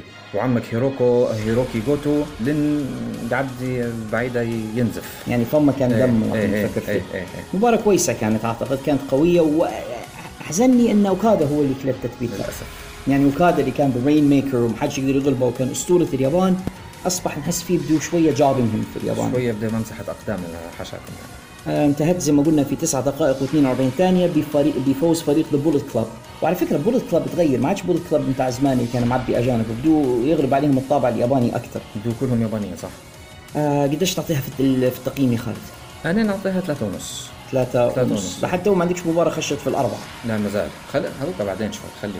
ننتقل للمباراة اللي بعدها عندنا شينجو تاكاكي تاكاجي تاكاجي تاكاجي The Rampage Dragon. آه ضد شو لا هذه ك... هذه قتل. أعتقد هذه ماتش وا- واحدة من matches of the night مزبوط هذه كانت مباراة قتل كالعادة. لما تحط شي- شينجو تاكاجي مع أي حد في المباراة خصوصا مع هيروكي هذا كان المفروض داروا تاكتي معه لكن يلا مش مشكلة. لما تحطها في مباراة خلاص. تعرفها مباراة ممتازة. وشينجو أنا لفت انتباهي من فترة وأنت- اظن أنت كنت تشوف فيه من ايامات Dragon Gate إيه صح؟ إيه حتى هو من جماعة Dragon Gate مصارع كويس هو شينجو. شديد. آه شو فاجأني؟ ما كنتش متوقع بالقوة هذه. حتى هو صلب و... و high flyer ممتاز حتى هو. هي مباراة فردية أول مباراة يديروها 1 on 1 على فكرة في الليلة هذه على بطولة ال openweight championship إيه إيه. NEVER openweight champion NEVER openweight إيه. آه شينجو تاكاجي هو ال- البطل. هو ويدافع على لقبه ضد شو مزبوط مم. أربعة. بالراحة نعطيها المباراة أربعة وخمسة فاز فيها شينجو تاكاجي وحافظ على لقبه ضد شو كانت مباراة قوية. strong style جاباني strong style صرف. يعني شفنا هذيك ال- الضربات والطرايح و... طلعوا كل ما عندهم على ذكر الضرب تفكر أنت في المباراة الأولى كفوف الصدر اللي كانوا يديروا فيها الجماعة إيه لبعضهم. موجود هذا جزء من الترفيه اللي كان في المباراة هذا الأولى. هذا المسلي في الموضوع هذا الجاباني strong style هذه يعني. هذه هي المتعة اللي في المصارعة اليابانية حقا أعطيت أنت أربعة. نعطي أربعة بالراحة. ومدة المباراة كانت 20 دقيقة وسبعة ثواني. نجوا توا للمباراة التي بعدها The Dangerous Techers. هيك مسمي روحهم. مش عارف أنا شو قصدهم بال techers لكن هيك اسمهم. Dangerous Techers. هم تايشي وزاك سيبر جونيور آه هذا من أجنبي آخر في العرض إحنا بقى oops آسف هذه أنا سهوة أنا متأسف. okay. زاك سيبر جونيور على فكرة مصارع ممتاز إنجليزي. غير عادي غير عادي. آه ضد فريق Golden Ace اللي هو هيروشي تاناهاشي and كوتا ايبوشي مش كانوا Golden Ace قبل آه، كاني و- وايبوشي ولا كان هذاك سن- Golden Lovers آه okay آسف. حتى هم فيها golden آي golden لكن gold حاجة ثانية آه okay. okay خالد. آه. هي مباراة على بطولة الفرق الثنائية لل IWGP والأسماء الموجودين أغلبهم نجوم كبار. ما عدا تايتشي تايشي أنا مش من المعجبين به ال gimmick بتاعه مزعج شوية. ما مش مرتاح له ما ي... أنا هذا الوحيد اللي شايفه لا ينتمي لهذه المجموعة. والباقيين كلهم تحطهم في أي مباراة؟ يا سلام. المباراة طويلة 28 دقيقة و43 ثانية. وشفنا فيها فنيات مصارعة يابانية على أصولها يعني. وال kicks متاع اليابانيين وال كما تكون المباريات اليابانية. قوية يعني. ممتازة. هي انتهت بفوز فريق The Dangerous Techers. إيه. اللي أصبحوا هم الآن أبطال الأبطال آه. New Japan IWGP للفرق الثنائية تايشي and زاك سيبر جونيور علقوا على عمك هيروشي وقعدوا يكسروا له في رجليه وداروا له لحد ما خلاص. قديش منها الواحد؟ قديش تعطيها أنت في التقييم؟ أربعة وربع. أربعة وربع هذا تقريبا أعلى تقييم في الليلة هذه لحد الآن هو أعطيته متردد فيه على خاطر تايتشي لكن بس وقته. مش سيء سيء يعني هو عنده حركات هو يصارع مليح لكن ال gimmick متاعه يا جماعة ما gimmick مش مزعج شوي، مش. مقتنع به I don't appreciate الحق يعني سامحوني الآن ننتقل إلى ال main event مباراة بطولة العالم وزن الثقيل في Japan اللي هو اي دبليو جي بي وورلد هيفي ويت شامبيونشيب ما بين البطل وهو double champion في الواقع هو تاتسويا نايتو اللي هو بطل New Japan وأيضا بطل انتركونتيننتال ضد Evil Evil Evil اللي هو اسمه الحقيقي واتنابي أو حاجة زي هيك نسيت اسمه الأول بس لقبه واتنابي هذا اسم المصارعة. آه. ويسموا فيه Evil الشرير هذا اسمه المصارعة Evil Evil ضد تسايو نايتو حيلعبها على اللقبين ال IWGP وال Intercontinental مع ملاحظة إنه هو في الليلة اللي قبلها فايز ب آه، ج- ال Japan Cup كأس اليابان. وانضم إلى فريق The Bullet Club أيوه. فيعني جاي معاه momentum كبير. آه، في الخشة بتاعت المباراة زي العادة تسايو نايتو جاي لابس بدلة كاملة واحد أنا ديما تزعج فيها اللقطات هذه في اليابان بصراحه بصراحة بالعاني فيها تتسوي واضح إنه يستفز فيها. لأنه يقعد ساعة هو. يسلح فيها يعني في إيه، الحلبة. إيه، إيه. هو عارفه إيفل يعرف أسلوبه فما يفوتش عليه. ولا ينزعج منه. المايك ليك يا خالد. هي المباراة مشت بالتدريج. معطوكش طول السترونج ستايل اللي تلقاه في مباراة شينجو ولا تلقاه حتى في المباراة اللي بعدها مباراة التاكتيم لا خدوها بال بال شويش بالشويش بالهداوة بال لحد ما وصلنا للمراحل الأخيرة فيها اللي بدو يكسروا فيها بعض. لكن بدوها زي ما قلت لك يعني للهداوة. بدت ببطء ولعبوها هندسوها صح بدوها ببطء بعدين بدو يزيدوا في في العيار شوية لحد ما وصلنا للمراحل الأخيرة فيها بدو يكسروا بعض. وهذا مزبوط هيك مباراة صحية زي ما بقول. مباراة مليحة مباراة قتل. فيها تدخلات من The Bullet Club أكيد فيها تد- تدخلات ما كيف هو فاز Evil ما هذا اللي بدك تحكي لي عليه. هو Evil كان في في المباراة عجبني فيها إنه كان يخدم على ساق تاتسويا وبعدين the Scorpion Deathlock بالاسم قالوها المعلقين. اللي هي ال Sharpshooter بتاعت برات آه، حركة ستينجي أيضا بالاسم هي. لكن في أثناء المباراة وهم يكسروا في بعضهم the Bullet Club تدخل وهذا مش جات screwed لكن هذا طبعا screwed بال في التلفزيون مش في الحقيقة.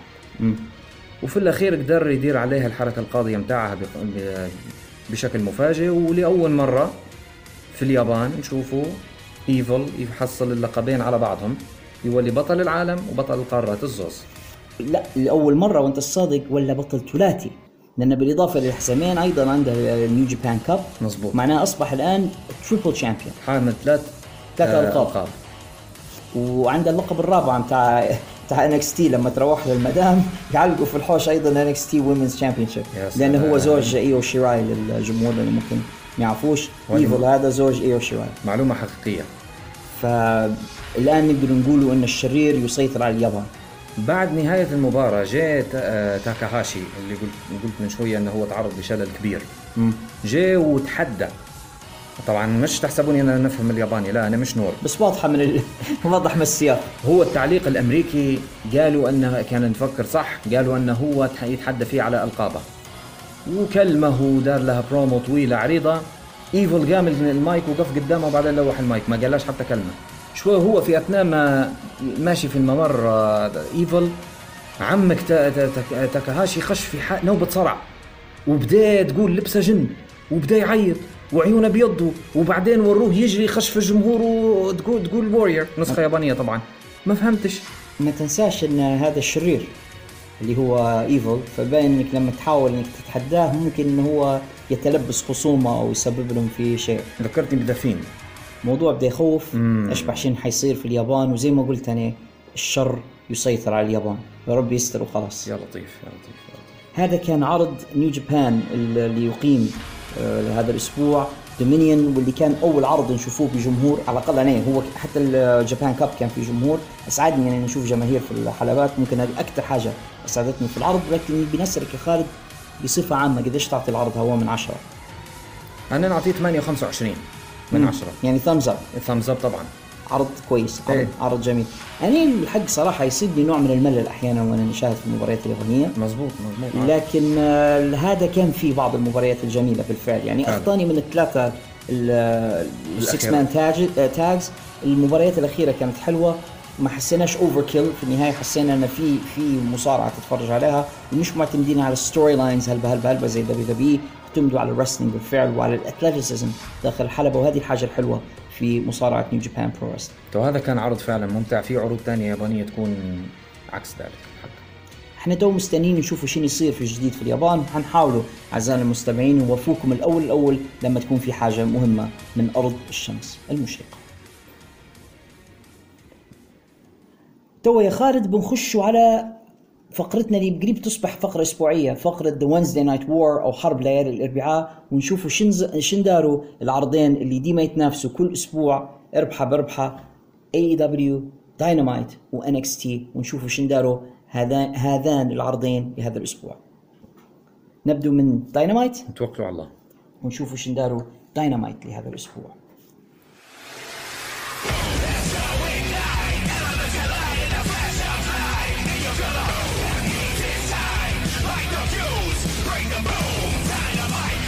هذا الأسبوع عرض AEW اسمه Fight for the Fallen أو القتال من أجل الضحايا. وهو يعني داروه السنة اللي فاتت AEW نفس الفكرة من- بس كان على هيئه pay-per-view السنة اللي فاتت.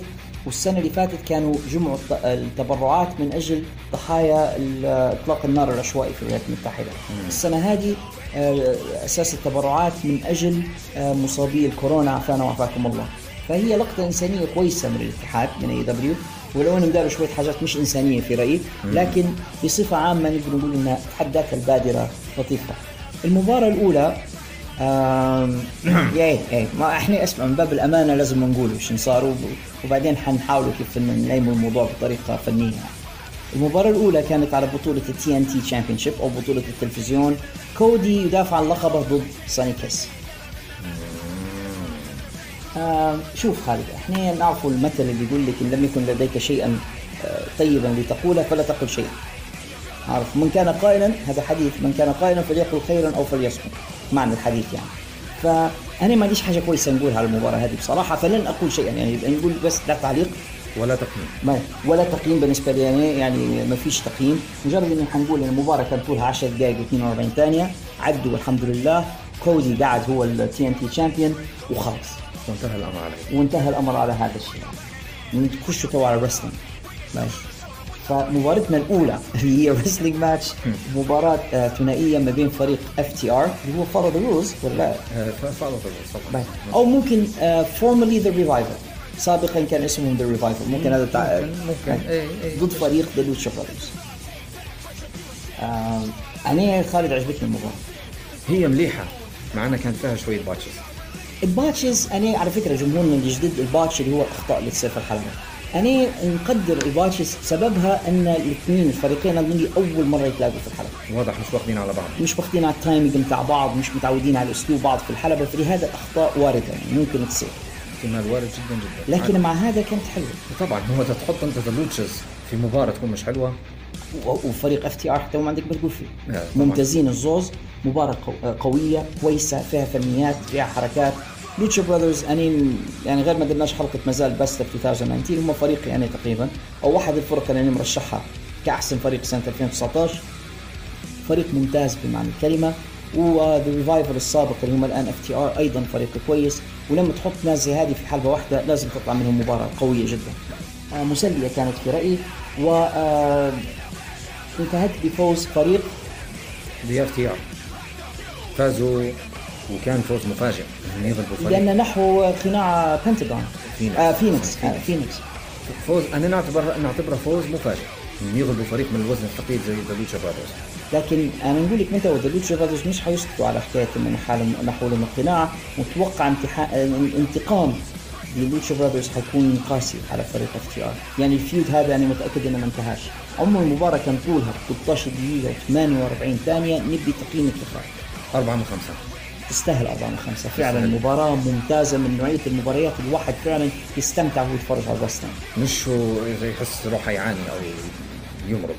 مش زي المباراة اللي قبل. آه طبعا. آه لما انتهت المباراة طلعوا آه The Elite اللي هم Kenny Omega ومعاه The Young Bucks وبيهنوا فريق FTR و Kenny ذا الحاجة إحنا مش متعودين عليها. جايب معاه علبة عصيرة مش هنقولوا شنو المهم حكاية حاجة. شيء معين. وهو عمره ما يشرب في الشيء هذا. مدلهم ال- ال- العلب اللي بيين نقول لها الحكاك أيوة. الليبيين الغربيين عندنا كلمة حكة بمعنى العلبة المعدنية اللي حط فيها العصير أو المشروب أو whatever ومدي فريق ال FTR تعال تفضلوا اشربوا فهم فتحوا العلب بتاعتهم وصبوها على رأس Kenny Omega و Kenny تعفلك هلبة. ويبدو انه حتكون في عداوة ثانية ما بين The Elite و FTR. يعني فاتحين قلب جبهات على الواحد. الموضوع حيكون مسلي في الفترة الجاية. الصيف هذا حيكون مشتعل في AEW. يستر الله. مباراة ممتازة. آه على فكرة في موضوع ال- ال- ال- السيارة بتاعت The Blade اللي نشطوا سيارة ذا اف تي ار اف تي ار and the Butcher، عفواً. فمات نيك جاكسون. مشوا ضربوا Butcher and Blade واستعادوا منهم المفتاح بتاع السيارة وأعطوها ل FTR خذوا سيارتكم. لكن ما ينفعش فيهم الخير شنو يعني؟ طلعوا حتى هم douchebag. بس أعتقد إن هذا يمهد توا لمباراة ما بين Butcher and Blade وفريق Young Bucks هذا أكيد زي ما تشوف فيك حتى هذه حتكون مباراة حلوة. إيه مع إني ما نحبهمش هلبة The Butcher and Blade مش معجب بيهم. بعد المباراة هي انتقلنا لفقرة فيها كريس جيريكو أعتقد قال شوية كلام زعجك أنت. هو مش بس يزع- يزعجني هو بالغ فيه. بصراحة هو وصفة لنفسه لما يقول روحها God God مزعج. يعني يعني ك- كس-. بالضبط كإنسان مسلم يحمي كش لما واحد يوصف نفسه بالصفات. يحرق شيء يحرق الدم. بس زي ما حكيت لك يعني نحس إن هذا كان تمهيد لإذلاله يعني هو أوكي قال على نفسه الكلام هذا كله وبعدين في الأخير صبوا عليه ما نعرفش أنا طن من الع- من العصير البرتقالي انصب عليه من فوق وجيريكو اذ به هو قاعد يت- يتخنزر. ليش يتخنزر؟ هو أول حاجة أورتيز قاعد يتمرغ عشان من يسمع زي الحلوف. خديه bump مش خديه. الطريقة اللي طاح بها على أرضية المسرح وقاعد يعوم وسط العصير ضحكني بصراحة. وبعدين اعطوا له له فوطة. باش ينشف نفسه. الفوطة هذه كانت مدرقة وعليها وجه عمك أورنج كاسدي فالقصة مليحه ان إن هو إحنا ممكن ما حكيناش لل- للناس شنو أصل الموضوع. طالع جيريكو ولابس بدلة أنيقة واحد. ويتباهى بفوزه الأسبوع اللي فات على أورنج كاسدي وبعدين قال مش حنعطيه مباراة ثانية طلع أورنج كاسدي وقف بعيد عليه في الجانب الثاني من المسرح حاط ايديه في جيوبه وقعد جيريكو يشتم فيه يشتم فيه يشتم فيه. وبعدين أورنج كاسدي رفع الابهام بتاعه لفوق بمنتهى البرود. ونزله لقطه نص تنزيله. فما فهمناش شنو قصده. وهو إشارة يعطي في العلامه الجماعه اللي فوق صبوا عليهم العصير بتاع البرتقال. فصبوا عليهم بتاع بحر من العصير. شورى 200 لتر ولا شيء. حاجة رهيبة. المقطع مضحك بشكل غير عادي. خاصة لما بعد ما عرفت إن الفوطة عليها وجه أورنج كاسدي خش في mood التخنزر ال face facial expressions بتاعت جيريكو رهيبة. فقدان الاعصاب وكيف يسب. وكيف يولي وجهه أحمر زي زي الطماطمة وعلى فكرة قاعد يتباهى بفوزهم على NXT الأسبوع اللي فات في ال demo. ممكن بعض الجمهور ما نعرفش إذا كانوا مستوعبين القصة ولا لا لكن لما ياخذوا في معدلات المشاهدة وأيضا ياخذوا في شرائح المشاهدين. فجيريكو يتباهى بانهم في الشريحة الشريحة السنية ما بين 18 و 49 سنة هم متفوقين على NXT في عدد المشاهدين وأن هذا هو ال demo وهي هذه الشريحة اللي هم يبدوا يحافظوا عليها دائما. فهذه اللي أعتقد كانت الرسالة والمغزى من من الفقرة كلها. مع كانت كل مضحكة. مع كل الهبد الثاني اللي قاعد يقول فيه. كانت لكن مضحكة مع هذا يعني أنا استمتعت بها إلى حد ما. كاسدي وقعد خلاص نسى روحها يعني. المباراة الثالثة كويسة. أعطونا مباراة ما بين فريق Jurassic Express وفريق The Elite مع إني ما نحبش Jurassic Express هلا نشوف فيهم شنو السبب؟ يعني نشوف فيهم أنا circus عندك قزم هو تحت حسابه عيل وهو يطلع لك شب- شبوب كبير. وعندك آه، Jungle Boy نشوف فيه لا مؤاخذة سامحوني زدودة. جسمه عجيب غريب ما نعرفش كيف وشعره ال- المميز هذا. هذا الزوز أنا مش شايف مش شايفهم أي وجود. لوتشاسورس ممتاز. لا لوتشاسورس ما تكلمش عليه أني مقتنع به لوتشاسورس ممتاز. أنا ممكن مختلف معك شوية في Jungle Boy أنا شايف إن Jungle Boy عنده potential على رأي صديقنا نو آه Jungle Boy لو ينمي جسمه شوية حيكون مصارع كويس. لو يحلق شعره ويكبر جسمه ويغير ال gimmick هذا اللي هو فيه إيه معاك. قديش عمره هو تمام؟ هو المعلومات اللي عندي عمره 23 سنة بس. قاعد صغير. قاعد عيل هو صغير. اي اي اي اي يعني هو يبي آه، أعطيه شوية وقت بس إنه هو قاعد زي ما نقول عودة طري, يعني زي ما نقول أعطيه بس إنه يكبر شوية. أنا متأكد ان Jungle Boy حيكون له مستقبل في المصارعه أحس فيه الولد عنده إمكانية. يعني هو مصارعته مليحة. صراحة مصارعته سريعة وحركاته حلوة. وماركو ستانت أنا متفق معك فيه إنه هو فعلا he makes AEW cheap يجعل الاتحاد يبدو رخيصا لما يحطوا ناس زي هم في الحلبه ويعطي للناس اللي زي كورنات آه سبة إنه هو يسبون يعني. ال boomers هم. عارف لأن لأن فعلا هو شكلاش wrestler ماركو ستانت وحقيقه لا أدري ما الذي يفعله داخل الحلبه لكن بس فعلا خلاص. لكن على أي حال آه وفريق The Elite ما أغنياء عن التعريف, سواء كان كيني أو. The Young Bucks الاثنين. وعجبني إن كيني يعني في المباراة دار أكثر من آه، جولة مع ماركو ستانت وبين ماركو ستانت وكان مصارع كويس. وكان يعطيه في هذيك المباراة دق ما ريتاش يدير زيه من فترة. ممتاز كان على فكره يعني لو قاعد عندي the best in the world the best bout machine يسموه فيه. هو من أفضل المصارعين في التاريخ الحديث للمصارعة في السنوات الأخيرة هذه. فيعني لما لما يعطي واحد زي ماركو ستانت اللي هو قزم وصغير يعطيه مباراة كويسة ويبين ماركو ستانت credible يبان كأنه مصارع. هذا يدلك على تفوق كان اوميجا وسيف معه. مع إنه هو نفذ فيه ال finisher بتاعه في النهاية وانهى المباراة كاني لكن دارها سيف ما أداش آه ماركو ستانت. أستاذ لأن كان ماهوش آه، جولدبرغ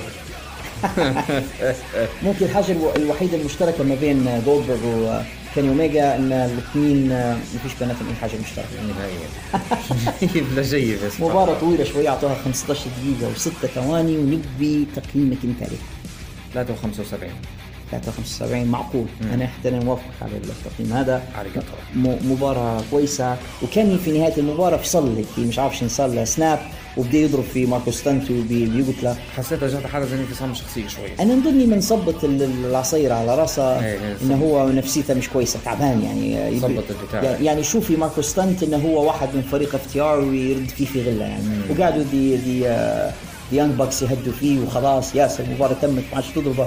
كان على نيك. وجهها انطباعات غريبة. جدا. خاصة نيك كان يحاول يهديه نيك هو ديما ال peacemaker ديما هو الرجل العاقل في العائله هي ما بعدها مباراة كويسة. كانت أنا استمتعت فيها بصراحة يعني وعوضتنا شوي على أول مباراة في العرض لكن بعدين يعني أبوا إلا إنهم يعطونا حاجة ثانية مش كويسة. لأن أعطونا مباراة ما فهمش أنا سببها. لازم نتكلم على هذا من باب الأمان The Nightmare Sisters اللي هم براندي زوجة كادي وزوجة كودي آسف. معلش. زوجة كودي ومعاها آلي The Bunny آه مسمينهم The Nightmare Sisters هم فعلا nightmare كابوس يعني. لطيف. آه ومعاهم داستن روز واقف برا.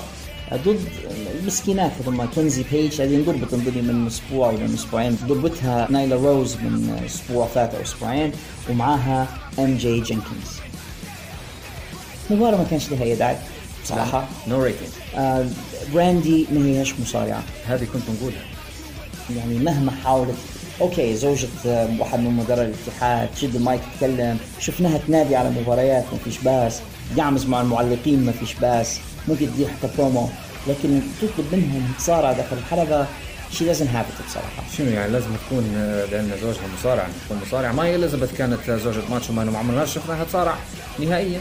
مصارعتها سيئة أنا موافق يا خالد مصارعتها سيئة. ذكر فيها هلبة بستيفاني ماكمان لما يدفعوا بها في الحلبة. مش مصارع يا شي. slow آه آلي كويسة آلي مصارعة لكن براندي نزلت المباراة إلى إلى الحضيض بصراحة. clumsy لا اقصى درجه مباراة مش حنعطيها أي تقييم صفر. no rating ابدا و... ومدتها ثلاثة دقائق راحوا من عمرنا هيك في الفرق إيه، يلا.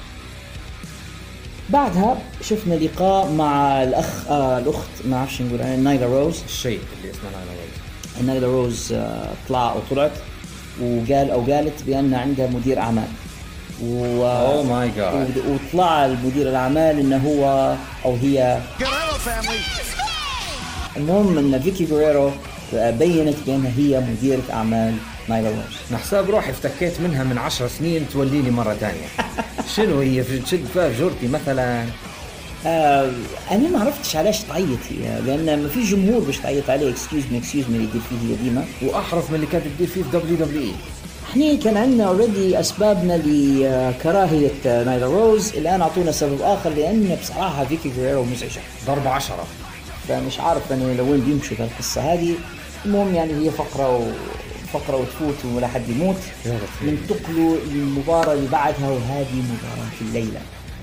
بطولة العالم بين بطل بطل ال- الاتحاد AEW جون موكش جون ماكس اللي كنت بدك تقولها جون موكش ضد متحديه بطل ال FTW اللي هو براين كيج The Machine ال FTW stands for what؟ آه follow the word مثلا. مثلا هيك حاجة زي هيك. هي لها معنى ثاني. follow the wind follow the wind حلوة. مثلاً،. براين كيج. ومعاه تاز مباراة كويسة بصراحة. مباراة فيها من الأول قصة يا خالد. إن إن براين كيج آه أساس إنه هو ضخم جدا فماكسلي ما يقدرش يدير ال finish بتاعه فماكسلي في اللقاء قبل المباراة قال إنه يعني حنركز على عضلة ال bicep المصابة بتاعت براين كيج وحنمزقها دماغه حربي. فالقصة كلها ان إن جون ماكسلي يركز على ذراع آه، براين كيج المصابة ويبي يجدد الإصابة بتاعته وبراين كيج قاعد يستعمل قوته وضخامته في إنه هو حاول يقضي على آه، ماكسلي بسرعة مش خالد مش بس ضخامته ولا قوته. براين كيج اللي يخوف فيه إنه يطير وإن حركته سريعة. عرفت وش يخطر علي تعرف لما يكون عندك زجريلو طاير؟ زي زي زي اللي هيجوا معنا اليومين عارف يعني بيكون هو معلش بنكون مقزز شوي. هو الزجريلو بروحه لما يكون كبير وضخم يخوف ولما يطير معها يولي double problem ف ملاحظ الزجريلو هو الصرصور لمن لا يعرف. فعلا الزجريلو اللي في اللهجة الطرابلسيه الصرصور أظن ليه أسماء أخرى بال... شنو يقولوا له في مصراتة يا خالد؟ أظن يقولوا له البوشبو.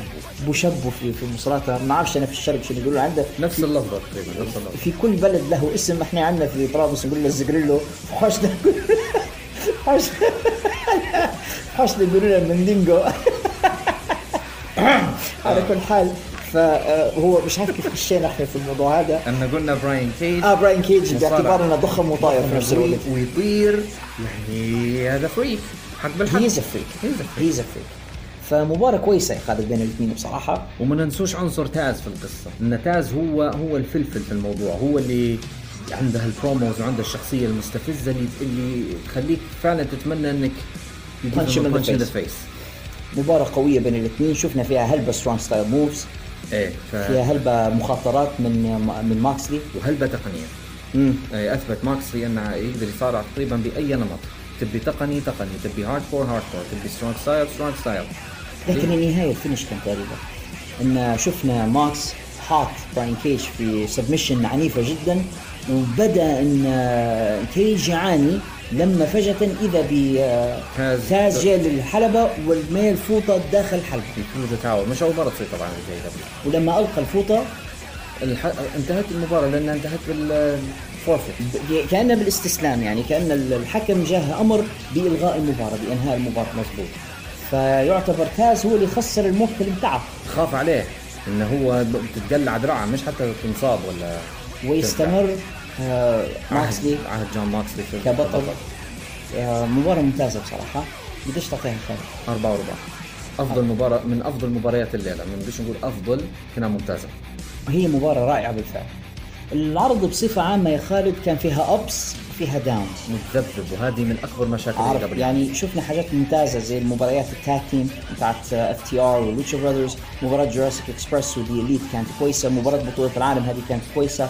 فقرة جيريكو فيها وفيها لكن كانت مضحكة. فيها هلبة حاجات تخليك آه، جيريكو على مائدة التعليق كان مضحك. آه في ملاحظة لازم نبينها أن توني شوفاني ما شاركش في في مائدة التعليق لأن تأخر ال- هو لازم يديروا كشف كورونا قبل ما يخشوا للمبنى. وهو دار الكس ال test لكن نتيجته ما ولتش يعني فهم خافوا انه يخش ويكون في مخاطرة فما شاركش في التعليق هذيك هذيك الليلة. وداروا بالتناوب علق آه، تاز على نص العرض وعلق جيريكو على النص الثاني. في مكان توني شوفاني؟ التعليق كان جميل كالعادة. جيم, جيم روس تحسن على فكرة كان معلق بشكل كبير في العرض ولى تقريب زي- شوية زي JR اللي نعرفوه. لكن في المقابل كان في حاجات شوية سل سلبية. المباراة الأولى ما كانش لها داعي. مش شوية. المباراة النسوية اللي كانت مباراة سيئة. فقرة المخلوق اللي اسمها نايلا روز. نايلا روز كان موضوع مزعج شوية. آه نسينا إن هيكارو شيدا سألوها آه انها هل تبي تقبل تحدي من نايلا روز؟ فقالت انني مستعدة للمواجهه هي واحدة وقالت كلمة المفروض ما قالتهاش في رأيي. قالت إن إحنا ما عندناش هلبة مصارعات هو هذا واقع. هو هذا واقع. يعني هي. بطريقة غير مباشرة شتمت ال- الاتحاد بتاعها يعني إنهم ما قدروش يتعاقدوا مع مصارعات كويسات. آه والحق هم المفروض يمشوا ورا تيسا بلانشارد إيه يغ- كيف تبي يجيبوا تاسا بلانشارد وعندهم سونيكس وعندهم نايلا نايلا موضوع مزعج شوية. وبالنسبة لي موضوع سوني كيس والفكرة المساواة ويعطوا الفرصة للجميع. كويس أنا ما بديش نعلق على الموضوع لكن حاجة واحدة بس نتمنى من اي دبليو إنه بما إنهم باب المساواة وتحت الفرصة للجميع. نبي نشوفوا مصارعين عرب يعني على حد قولنا يعني. نبي نشوف مصارعين مسلمين نبي نشوف مصارعين آه، من ذوي البشرة السمراء أكثر. نبيهم يفتحوا الباب للكل يعني مش بس نفتحوا للرينبو ونقول إحنا والله تحت فرص. إذا كانوا هم فعلا زي ما يقولوا المساواة وتحت الفرص آه، المفروض الناس كلها تحصل فرصة. يلا ورونا. لكن على كل حال مع هذا نبي نعرف شنو تقييمك العام للعرض قديش تعطيها أنت؟ تقييمي أنا كمشاهد مش حيكون عالي هلبا. ستة. أعطيتهم ستة بس. ستة ومتكرم عليها. أنا الحق يعني المباريات تشفع لهم. مستوى المباريات العالي تشفع لهم. عندي وحنعطيهم 8 من 10 wow. بسبب المباريات. وتحديدا إنهم داروا لنا world heavyweight championship match وكانت كويسه وارتقت إلى التوقعات فياخذوا مني يعني 8 من 10 You're being generous my friend. Thank you so much Governor. خلينا ننتقل للجانب الآخر الآن من فلوريدا ونشوف شن صار مع تي في نفس الليلة وفي نفس التوقيت. فإلى هناك.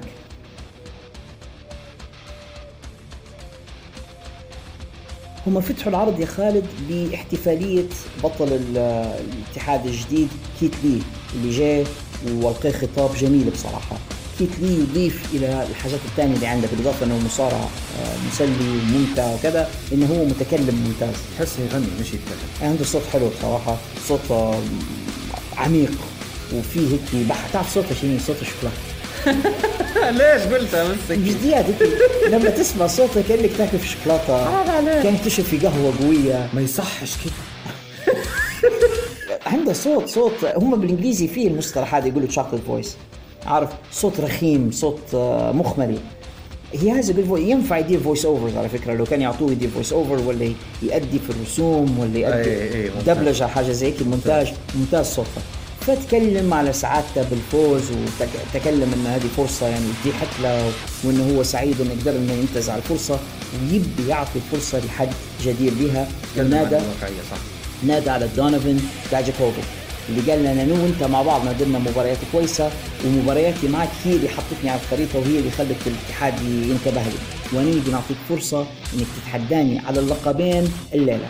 فالمفروض إن الليلة حنشوفوا بطولة الاتحاد اي بطولة ثنائية. يعني حيشوفوا اثنين حيشوفوا ال- المباراة على بطولة ال NXT وبطولة ال North American championship زي بتاع إيفل وتيتسويا نايتو زي بتاعت إيفل وتيتسويا نايتو أيوة. والمفروض يكون هذا التحدي لمباراة آه، براين كيج وجون ماكس بس لفت انتباهي حاجة في دامن خير ضاعف هلبة هيك تقول ناقص عشرات الكيلوات. لاحظت ناقص حتى هنا مش عارف شو القصة هل هو new diet ولا هل موضوع ال- الكورونا مش قادر يمشي للجيم ويتمرن زي ما كان. يعني مرات في هذول المصارعين زي ما تعرف يمشوا للجيم يمشوا للصالة بتاعت الأثقال يتمرنوا ربما هو مش قادر يوصل للصالة بتاعته وما عندهش معدات في الحوش. تكفي إنه هو يروح على الفورمة القديمة فلهذا هو ربما هذا السبب إنه ضعف شوي. لفت انت... لفت انتباهي آه، نقصان وزن الحق يعني. أول مباراة معنا الليلة مصارعان ممتازان. والزوز من جايين من برا WW. عندنا كاميرون جرايمز اللي كان جايهم من Impact Wrestling وديميان بريست اللي إحنا نعرفوه باسم Punishment Martinez في Ring of Honor هذه مباراة ما يبدوش بها المفروض يحطوها في الاخير أنا أعتقد إن داروا هيك ك counter booking إنهم قاعدين يحاولوا يواجهوا الصريطه اللي جاية من AEW غادمه في مباريات كويسة في AEW الليلة فحطوا مباراة قوية يفتحوا بها العرض آه، خاصة إنهم توقعوا ممكن الناس حيغيروا في المباراة الأولى بتاعت AEW وهذا تفكير سليم ولو كنت أنا غادي كنت نفتحها هي فداروا مباراة قوية في البداية. ومباراة فظيعة. آه، الاثنين يلعبوا strong style بطرق مختلفة يعني. آه، ديميان بريست آه، أرزن هلبة من آه، كاميرون جرايمز في الحركة بس قوي هو. وكاميرون جرايمز يضيف إلى ال hard ال hardcore style ولا strong style بتاعها السرعة العالية. عنده سرعة عالية جدا. جدا. شو رأيك في المباراة؟ wow. هذا تقييمي الوحيد له.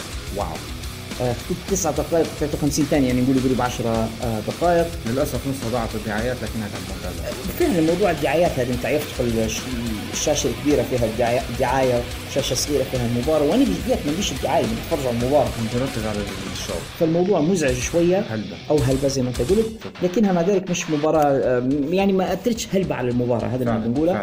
قدرت إني نركز على الشاشة الصغيرة ونتفرج. آه، مباراة حلوة انتهت بفوز ديميان بريست. بشدة لكني ما أعتقدش إن القصة بيناتهم الزوز انتهت. نظني حنشوفهم مع بعض مرة ثانية أو ثالثة. احتمال هذا وارد آه، قديش تعطيها انت التقييم؟ أربعة.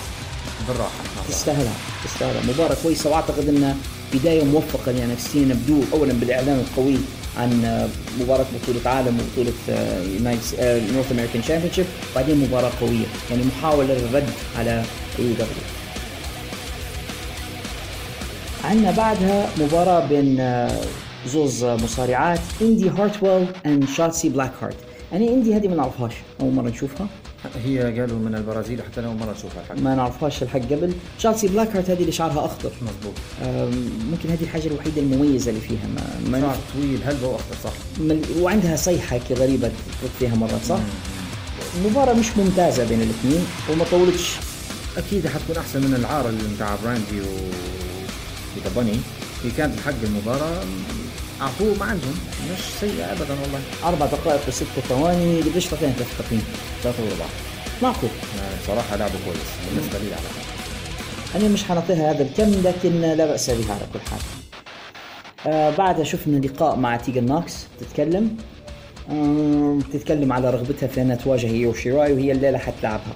ننتقل الآن للمباراة الكبيرة اللي تم الإعلان عنها مباراة ال NXT and North American Championships. كيث لي and دومينيك دايجاكوفيك خالد قبل ما نخش في المباراة علاش ما يوحدش اللقبين؟ يعني يديروها مثلا مسمى زي unification اي champion مثلا ي- ي- ي- يوحد هو مش فاز باللقبين. إيه. لو يوحدهم مش اسهل له من إنه هو يقعد يدور بزوز أحزمة. ولا يسموه مثلا على الأقل كان ما يقدرش يحزم واحد. يديروهم مسمى واحد. بدل ما يقولوا the NXT the NXT North America سموه the ultimate champion وخلاص. مثلا the ultimate champion حاجة زي هيك the undisputed NXT champion مثلا حاجة. على كل حال. أنا مش فاهم علاش حطوها. توزيع المباريات في الحلقة كان غريب وهذا أكبر نقطة ضعف نشوفها. أنا نحس فيهم قاعدوا يشكلوا في المباريات. هيك Triple H يتفرج على AEW هم يديروا حاجة وهو يحط حاجة مقابلها. باين شارب عصيره لكن بجد هم يديروا فيها أحيانا ناديين wrestling زمان أيام Monday Night War بين دبليو سي دبليو دبليو دبليو اف كانوا يديروا في الشيء هذا إنهم يديروا counter booking إني نتفرج عليك أنت تدير حاجة أنا ندير عكسها فأعتقد إن هذا باش حركوا المباراة هيك المفروض لكن هذه داروها في الأخير باش يواجهوا بها مباراة جماعة. مع معك موافق إيه. آه مباراة اخذت 15 دقيقة و25 ثانية بين عملاقين. عملاق ضخم والثاني طويل. آه شو رأيك فيها أنت قبل ما نخش في التفاصيل؟ تبي الحق. مش زي مبارياتهم القديمة. دومينيك ما كانش في ال form هذا ما كانش ند لكيث لي كيث لي كان أقوى لكن دومينيك مستواه نازل. دومينيك كان قبل جبار. لما يلعب مع كيث لي كيث لي بيموت منه اليوم لا. يلعب مش قادر حتى يقيم آه، أكثر أكثر. مش قادر يقيم آه، كيث لي مثلا. وضربات كيث لي تطفح ال- دومينيك في الأرض. ودومينيك تحسه تعبان. مش قادر ي... ما نفذش فيه البي بي سي. لا نفذ فيه. لا نفذ فيه. في وجابوها يعني؟ وجابوها في التلفزيون عادي. لا لا عادي. وضح النهار يعني شو القضية يعني. لكن صارت مفاجأة في المباراة أعتقد. آه مفاجأة creepy إن آه،؟ سكارلت آه سكارلت بوردو. إن سكارلت جت. وبعدين لما وصلت قدام الحلبة طلعت شكار أنا حسابها فيها أفعى. أنا شخصيا حسابها فيها بايثون كبيرة. شني حطت فيها حاجة ما عرفتهاش. مرش مكسر. آه بلاستيك. ما فهمتش؟ وبعدين مشيت. ولما وصل خلاص قريب تختفي قاعدة تفنص في كيفلي وكيفلي يشبح لها وشكلها يرعب تقول موليا فامباير. درت للسحر. مش فاهم. شورى حط شورى سحر. الله يعلم. وفاز في النهاية زي ما قلنا. كيث لي كيث لي ومباراة كويسة. أعطوها زي ما حكيت لك يعني 15 دقيقة وشوية 15 15 دقيقة و25 ثانية. يعني نعطيها ثلاثة نجمات. تقييم أنا حنعطيها ثلاثة وربع. ثلاثة وربع. إيه. مباراة مش سيئة على كل حال بس كانت ممكن تكون أفضل. بعد المباراة شو صار؟ بعدين حصل interview مع دومينيك. ودومينيك قال كلمة لما تقول triggered عم كروس لما قال ان كاريون كروس ولا؟ بالضبط. لما قال إن كيث لي is on different level بمعنى هو في مستوى ثاني مختلف عن المصارعين الثانيين كروس متخص وبعدين هيك قعدوا يتلاسنوا فيما بيناتهم. وبعدين هبوا في بعضهم وقعدوا يتضاربوا لين خشوا طلعوا برا و... وعمك كروس هيك زي اللي حتفه فوق من راسه وبعدين طاح على الأرض وانتهى دومينيك خلاص. واو. اللي اللي ما زال فيه ضاع. وحاول يفك الربطة بتاع العنق وشني وما قدرش. لكن آه، شبك فيه انت يعني ذكر فيه شوية دواء هو في مزيج من هذول المصارعين. هو شوية زي روك شوية زي تريبل اتش في فترة في البداية لما كان شرير. آه ال combo هو وسكارلت مع بعضهم مخيف.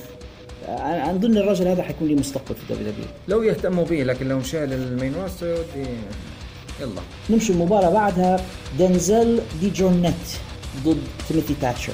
تاتشر إحنا شفناه من MLW كان ملفت للنظر حتى من ذاك الوقت أنا أول مرة شفته في MLW مع ديفي بوي سميث. وهو مصارع شديد. يذكر فيه ببحارة العشرينات من القرن الماضي. فعلا style ه هو old school wrestling هلا هلا هلا. retro هلبة مباراة قصيرة طولها دقيقة ونص. ما نقدرش نعطيها تقييم لقصرها لكن شفنا style آه، تيموثي تاتشر التقني الأرضي القاسي. مش بس القاسي اللي يعذب. مش هوين هذا. آه بعدها آه هاجمة أوني لوركن. وأوني لوركن وتيموثي تاتشر style هم متشابه شوية. هم الزوز old school هلبة حتى أشكالهم زي بعض. غير فرق الشعر بس. بس هي هذه. فباين ان العداوة ما بين الاثنين مستمرة. الخصومه ما انتهتش نمشوا الآن لل main event الليلة اللي هي مباراة بطولة نساء NXT ما بين ايو شيراي وتيجن نوكس أنا زيك مستغرب إنهم حطوا المباراة هذه في النهاية مقابل مباراة براين كيج وجون موكسلي كنت متوقع إنهم يحطوا في النهاية مباراة كيث لي باش يواجهوا بها مباراة موكسلي و وكيج في AEW لكن فاجئوني بإنهم حطوا مباراة نسائية في النهاية. ما عنديش لها تفسير واضح آه، ليش داروا هيك؟ الله أعلم. ايو شيراي أعتقد ما اختلفوش اثنين انها من أحسن المصارعات في العالم اليوم. مصارعة ممتازة بالفعل عندها فنيات ودير في حاجات انتحارية في الحلبة و... يعني وكويس. تيجن ما عجبتنيش هلبة في المباراة. تيجن حاولت مش ما حاولتش كانت شوية هي. شوية لكنها تحاول تعطي ما عندها مش آه، ما توخرش. المباراة طويلة شوية. 23 دقيقة كاملة. اي هي هذا طول المباراه صح يعني اطول من الليلة بلا شيء ضربوا بعضهم بجميع أنواع الحركات الفنية اللي قدروها ايو هي اللي حاملة المباراة في رأيي أنا. يعني ايو شيراي هي اللي شايلة ال- شايلة الليلة. بالدرجة الأولى. وبينت إن تيجن نوكس مصار- مصارعة كويسة. يعني تيجن طلعت ما عندها قدام إيو شيراي إيو شيراي من نوعية المصارعات اللي تساعد خصمتها إنها تعطي مباراة حلوة. في ديما نوعين من المصارعين. مصارع يساعد ومصارع يكسر. بريت هارت جولدبرغ فاحنا شفنا مباراة كويسة بين الاثنين. آه وأعتقد أحسن مباراة لعبتها تيجن نوكس في وقت طويل جدا يعني. أي. لكن المباراة انتهت في النهاية بفوز. بال fair and square. أيوه شو رايك دارت لها لقطة هيك حركة زي زي النينجا هيك من لا مكان دارت لها زي الكف ولا زي ال... ما نعرفش زي حركة زي حركة martial art بعدين دارت لها ال moonsault الشريره بتاعها. 1 2 3 that's all she wrote 23 دقيقة. قديش تعطيها أنت في التقييم؟ ثلاثة ونص. ثلاثة ونص أنا حنعطيها أربعة. واو. حنعطيها أربعة بس لأن ايو شيراي فعلا طلعت ما عندها في المباراه تبي الحق؟ انت ثلاثة ونص. أنا معك. أربعة. أربعة. فعلا. العرض بصفة عامة قديش تعطيها؟ NXT عندي كانوا أحسن والله الأسبوع هذا في في رأيي. نعطيهم ناس سبعة ونص. معقولين جدا. أنا كنت أعطيت AEW 8 أنا حنعطيهم هم 7 ونص. زيك أنا شايف إن AEW كان أحسن شوية بسبب عدد المباريات الحلوة اللي كانت. لكن NXT ما كان سيء. أنا في رأيي ان عرض NXT كان wrestling أكثر مزبوط كان wrestling show أكثر من اي دبليو لكن اي دبليو قدروا يمزجوا بال entertainment بتقول ROH كان عرض NXT الأسبوع هذا. صح. مزبوط لكن AEW كان fun حتى هو كان مسلي. لذيذة المباريات. بصفة عامة العرضين كانوا حلوات لكن لكن فعلا إحنا مستفيدين. لكن النتائج المشاهدات ظهرت. وصدمتني حتى. قديش قلت لك أنا بالنسبة لي AEW قديش جابوا مشاهدة؟ جابوا 700 ألف و 788 ألف مشاهدة. وهذا شيء مفاجئ وهذا ارتفاع عن الأسبوع الماضي. في الوقت اللي NXT نزلوا هلبة جابوا 631 ألف مشاهدة. واو. يعني انخفاض كبير بالنسبة ل NXT طاحوا ال- ال- التالي هلبة في مقابل صعود كبير جدا ل AEW هذا الأسبوع. فرق أكثر من مئة ألف. تلقى توني كان فرحان شوي الأسبوع هو ويتشفى فيهم بعد ما يضحكوا عليها ويديروا يجيبوا لها فرابي باش يسخر منها. عموما هذا تكلمت عليها في الأخبار. آه عموما هذا كان ال Wednesday Night War باقي يوم ما نقولوا Monday Night War هذا كان ال Wednesday Night War لهذا الأسبوع.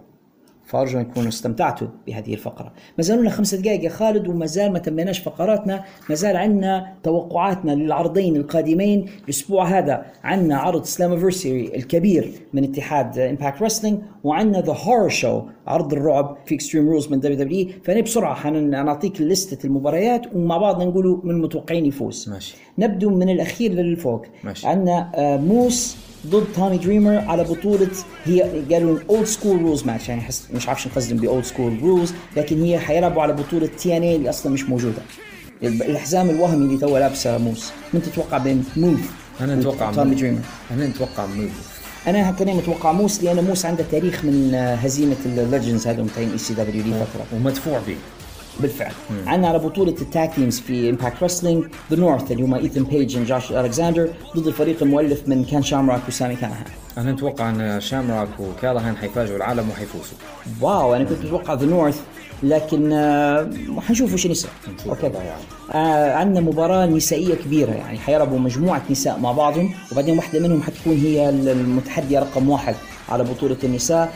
نسموا مع بعضنا الأسماء بسرعة. اليشيا ادواردز هافوك كيرا هوجن كيمبرلي كاي, آه، كايلي راي نيفيا ماديسون رين روزماري سوزي تاشا ستيلز تايا فالكري يعني يعني مسوين أمريكا كلهم تقريبا. حيلعبوا ضد بعضهم وواحدة منهم حتكون ال number 1 contender أنا نقول I don't care يعني الجواب عندي يعني I don't care معقولة؟ لكن لكن إذا كان لازم أتوقع إنه حنقول ان كايلي راي بس لأني أحس انها حصله هي نوع من ال push في في Impact Wrestling أنا نقول تايا فالكري حق يعني تايا فالكري حنشوفه آه عندنا مباراة حلوة شكلها. ويلي ماك البطل ضد كريس باي كريس باي ذكرني بسنوب دوغ ما بعرفش علاش بوسته زي سنوب كثير سنوب سنوب اون رويدز يعني إيه. ومعاه برا جوني سوينجر على بطولة الاكس ديفيجن شامبيونشيب أنا أنا نتوقع أنه ويلي ماك بي- بيحافظ على البطولة. أنا نتمنى ويلي ماك يحافظ على بطولته ويلي ماك آه، معزة يمكن العزة ال- كبيدك كبيدك كبيدك يذكر فيها بالمصارعين اللي قدم بوسته زي واحد مصارع قديم كنت أشوف فيه وأنا صغير اسمه جانك يارد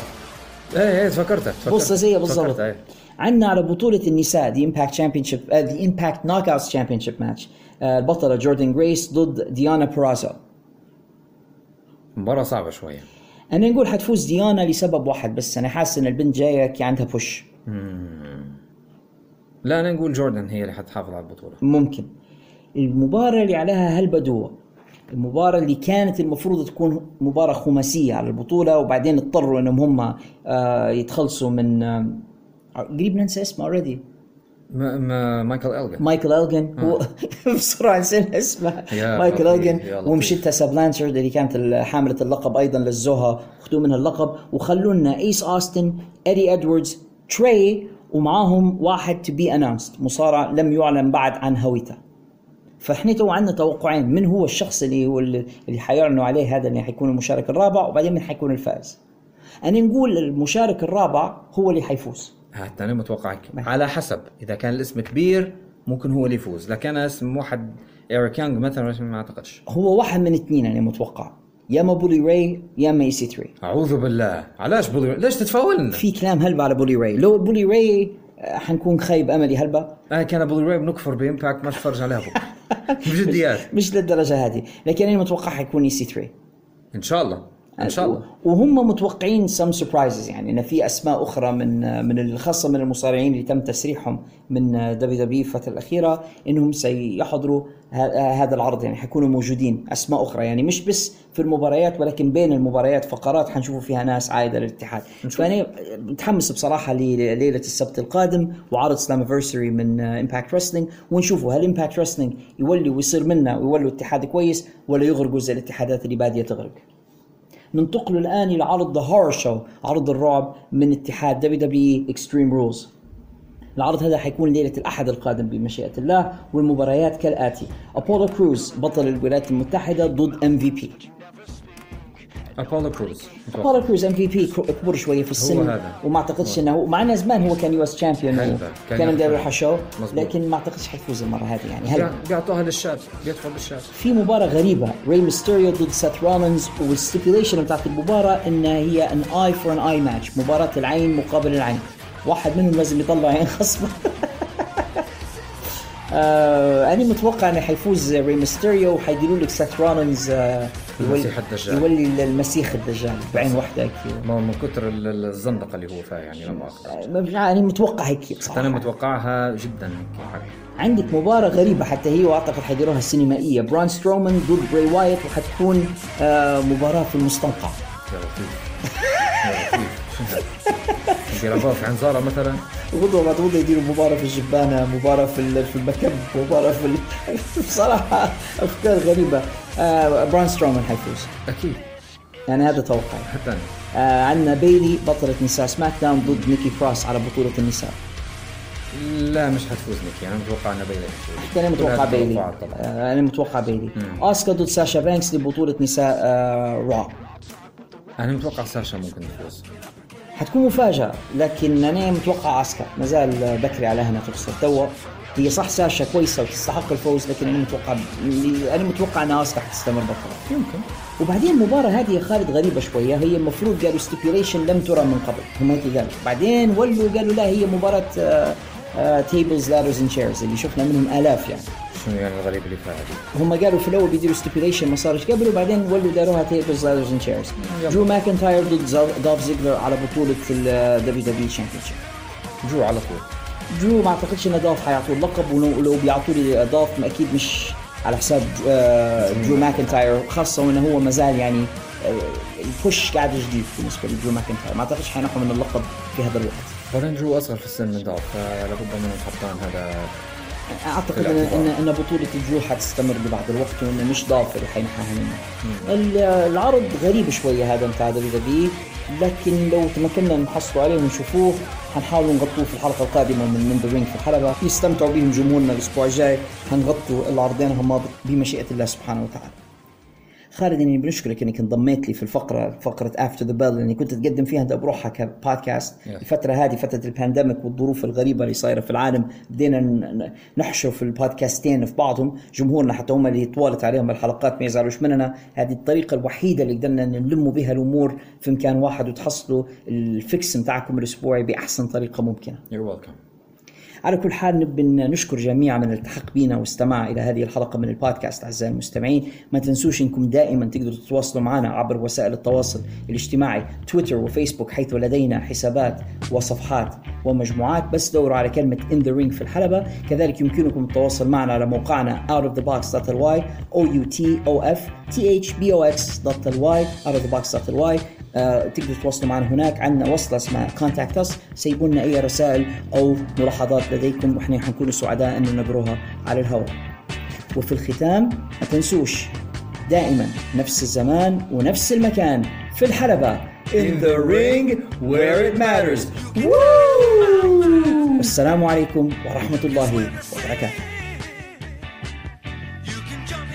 لا تنسوا الاشتراك والإعجاب والتعليق. كذلك ولا تنسوا المشاركة مع أصدقائكم ومتابعيكم على وسائل التواصل الاجتماعي لنصل أكبر عدد ممكن من المستمعين. شكرا لكم مرة أخرى لاستماعكم وتفاعلكم.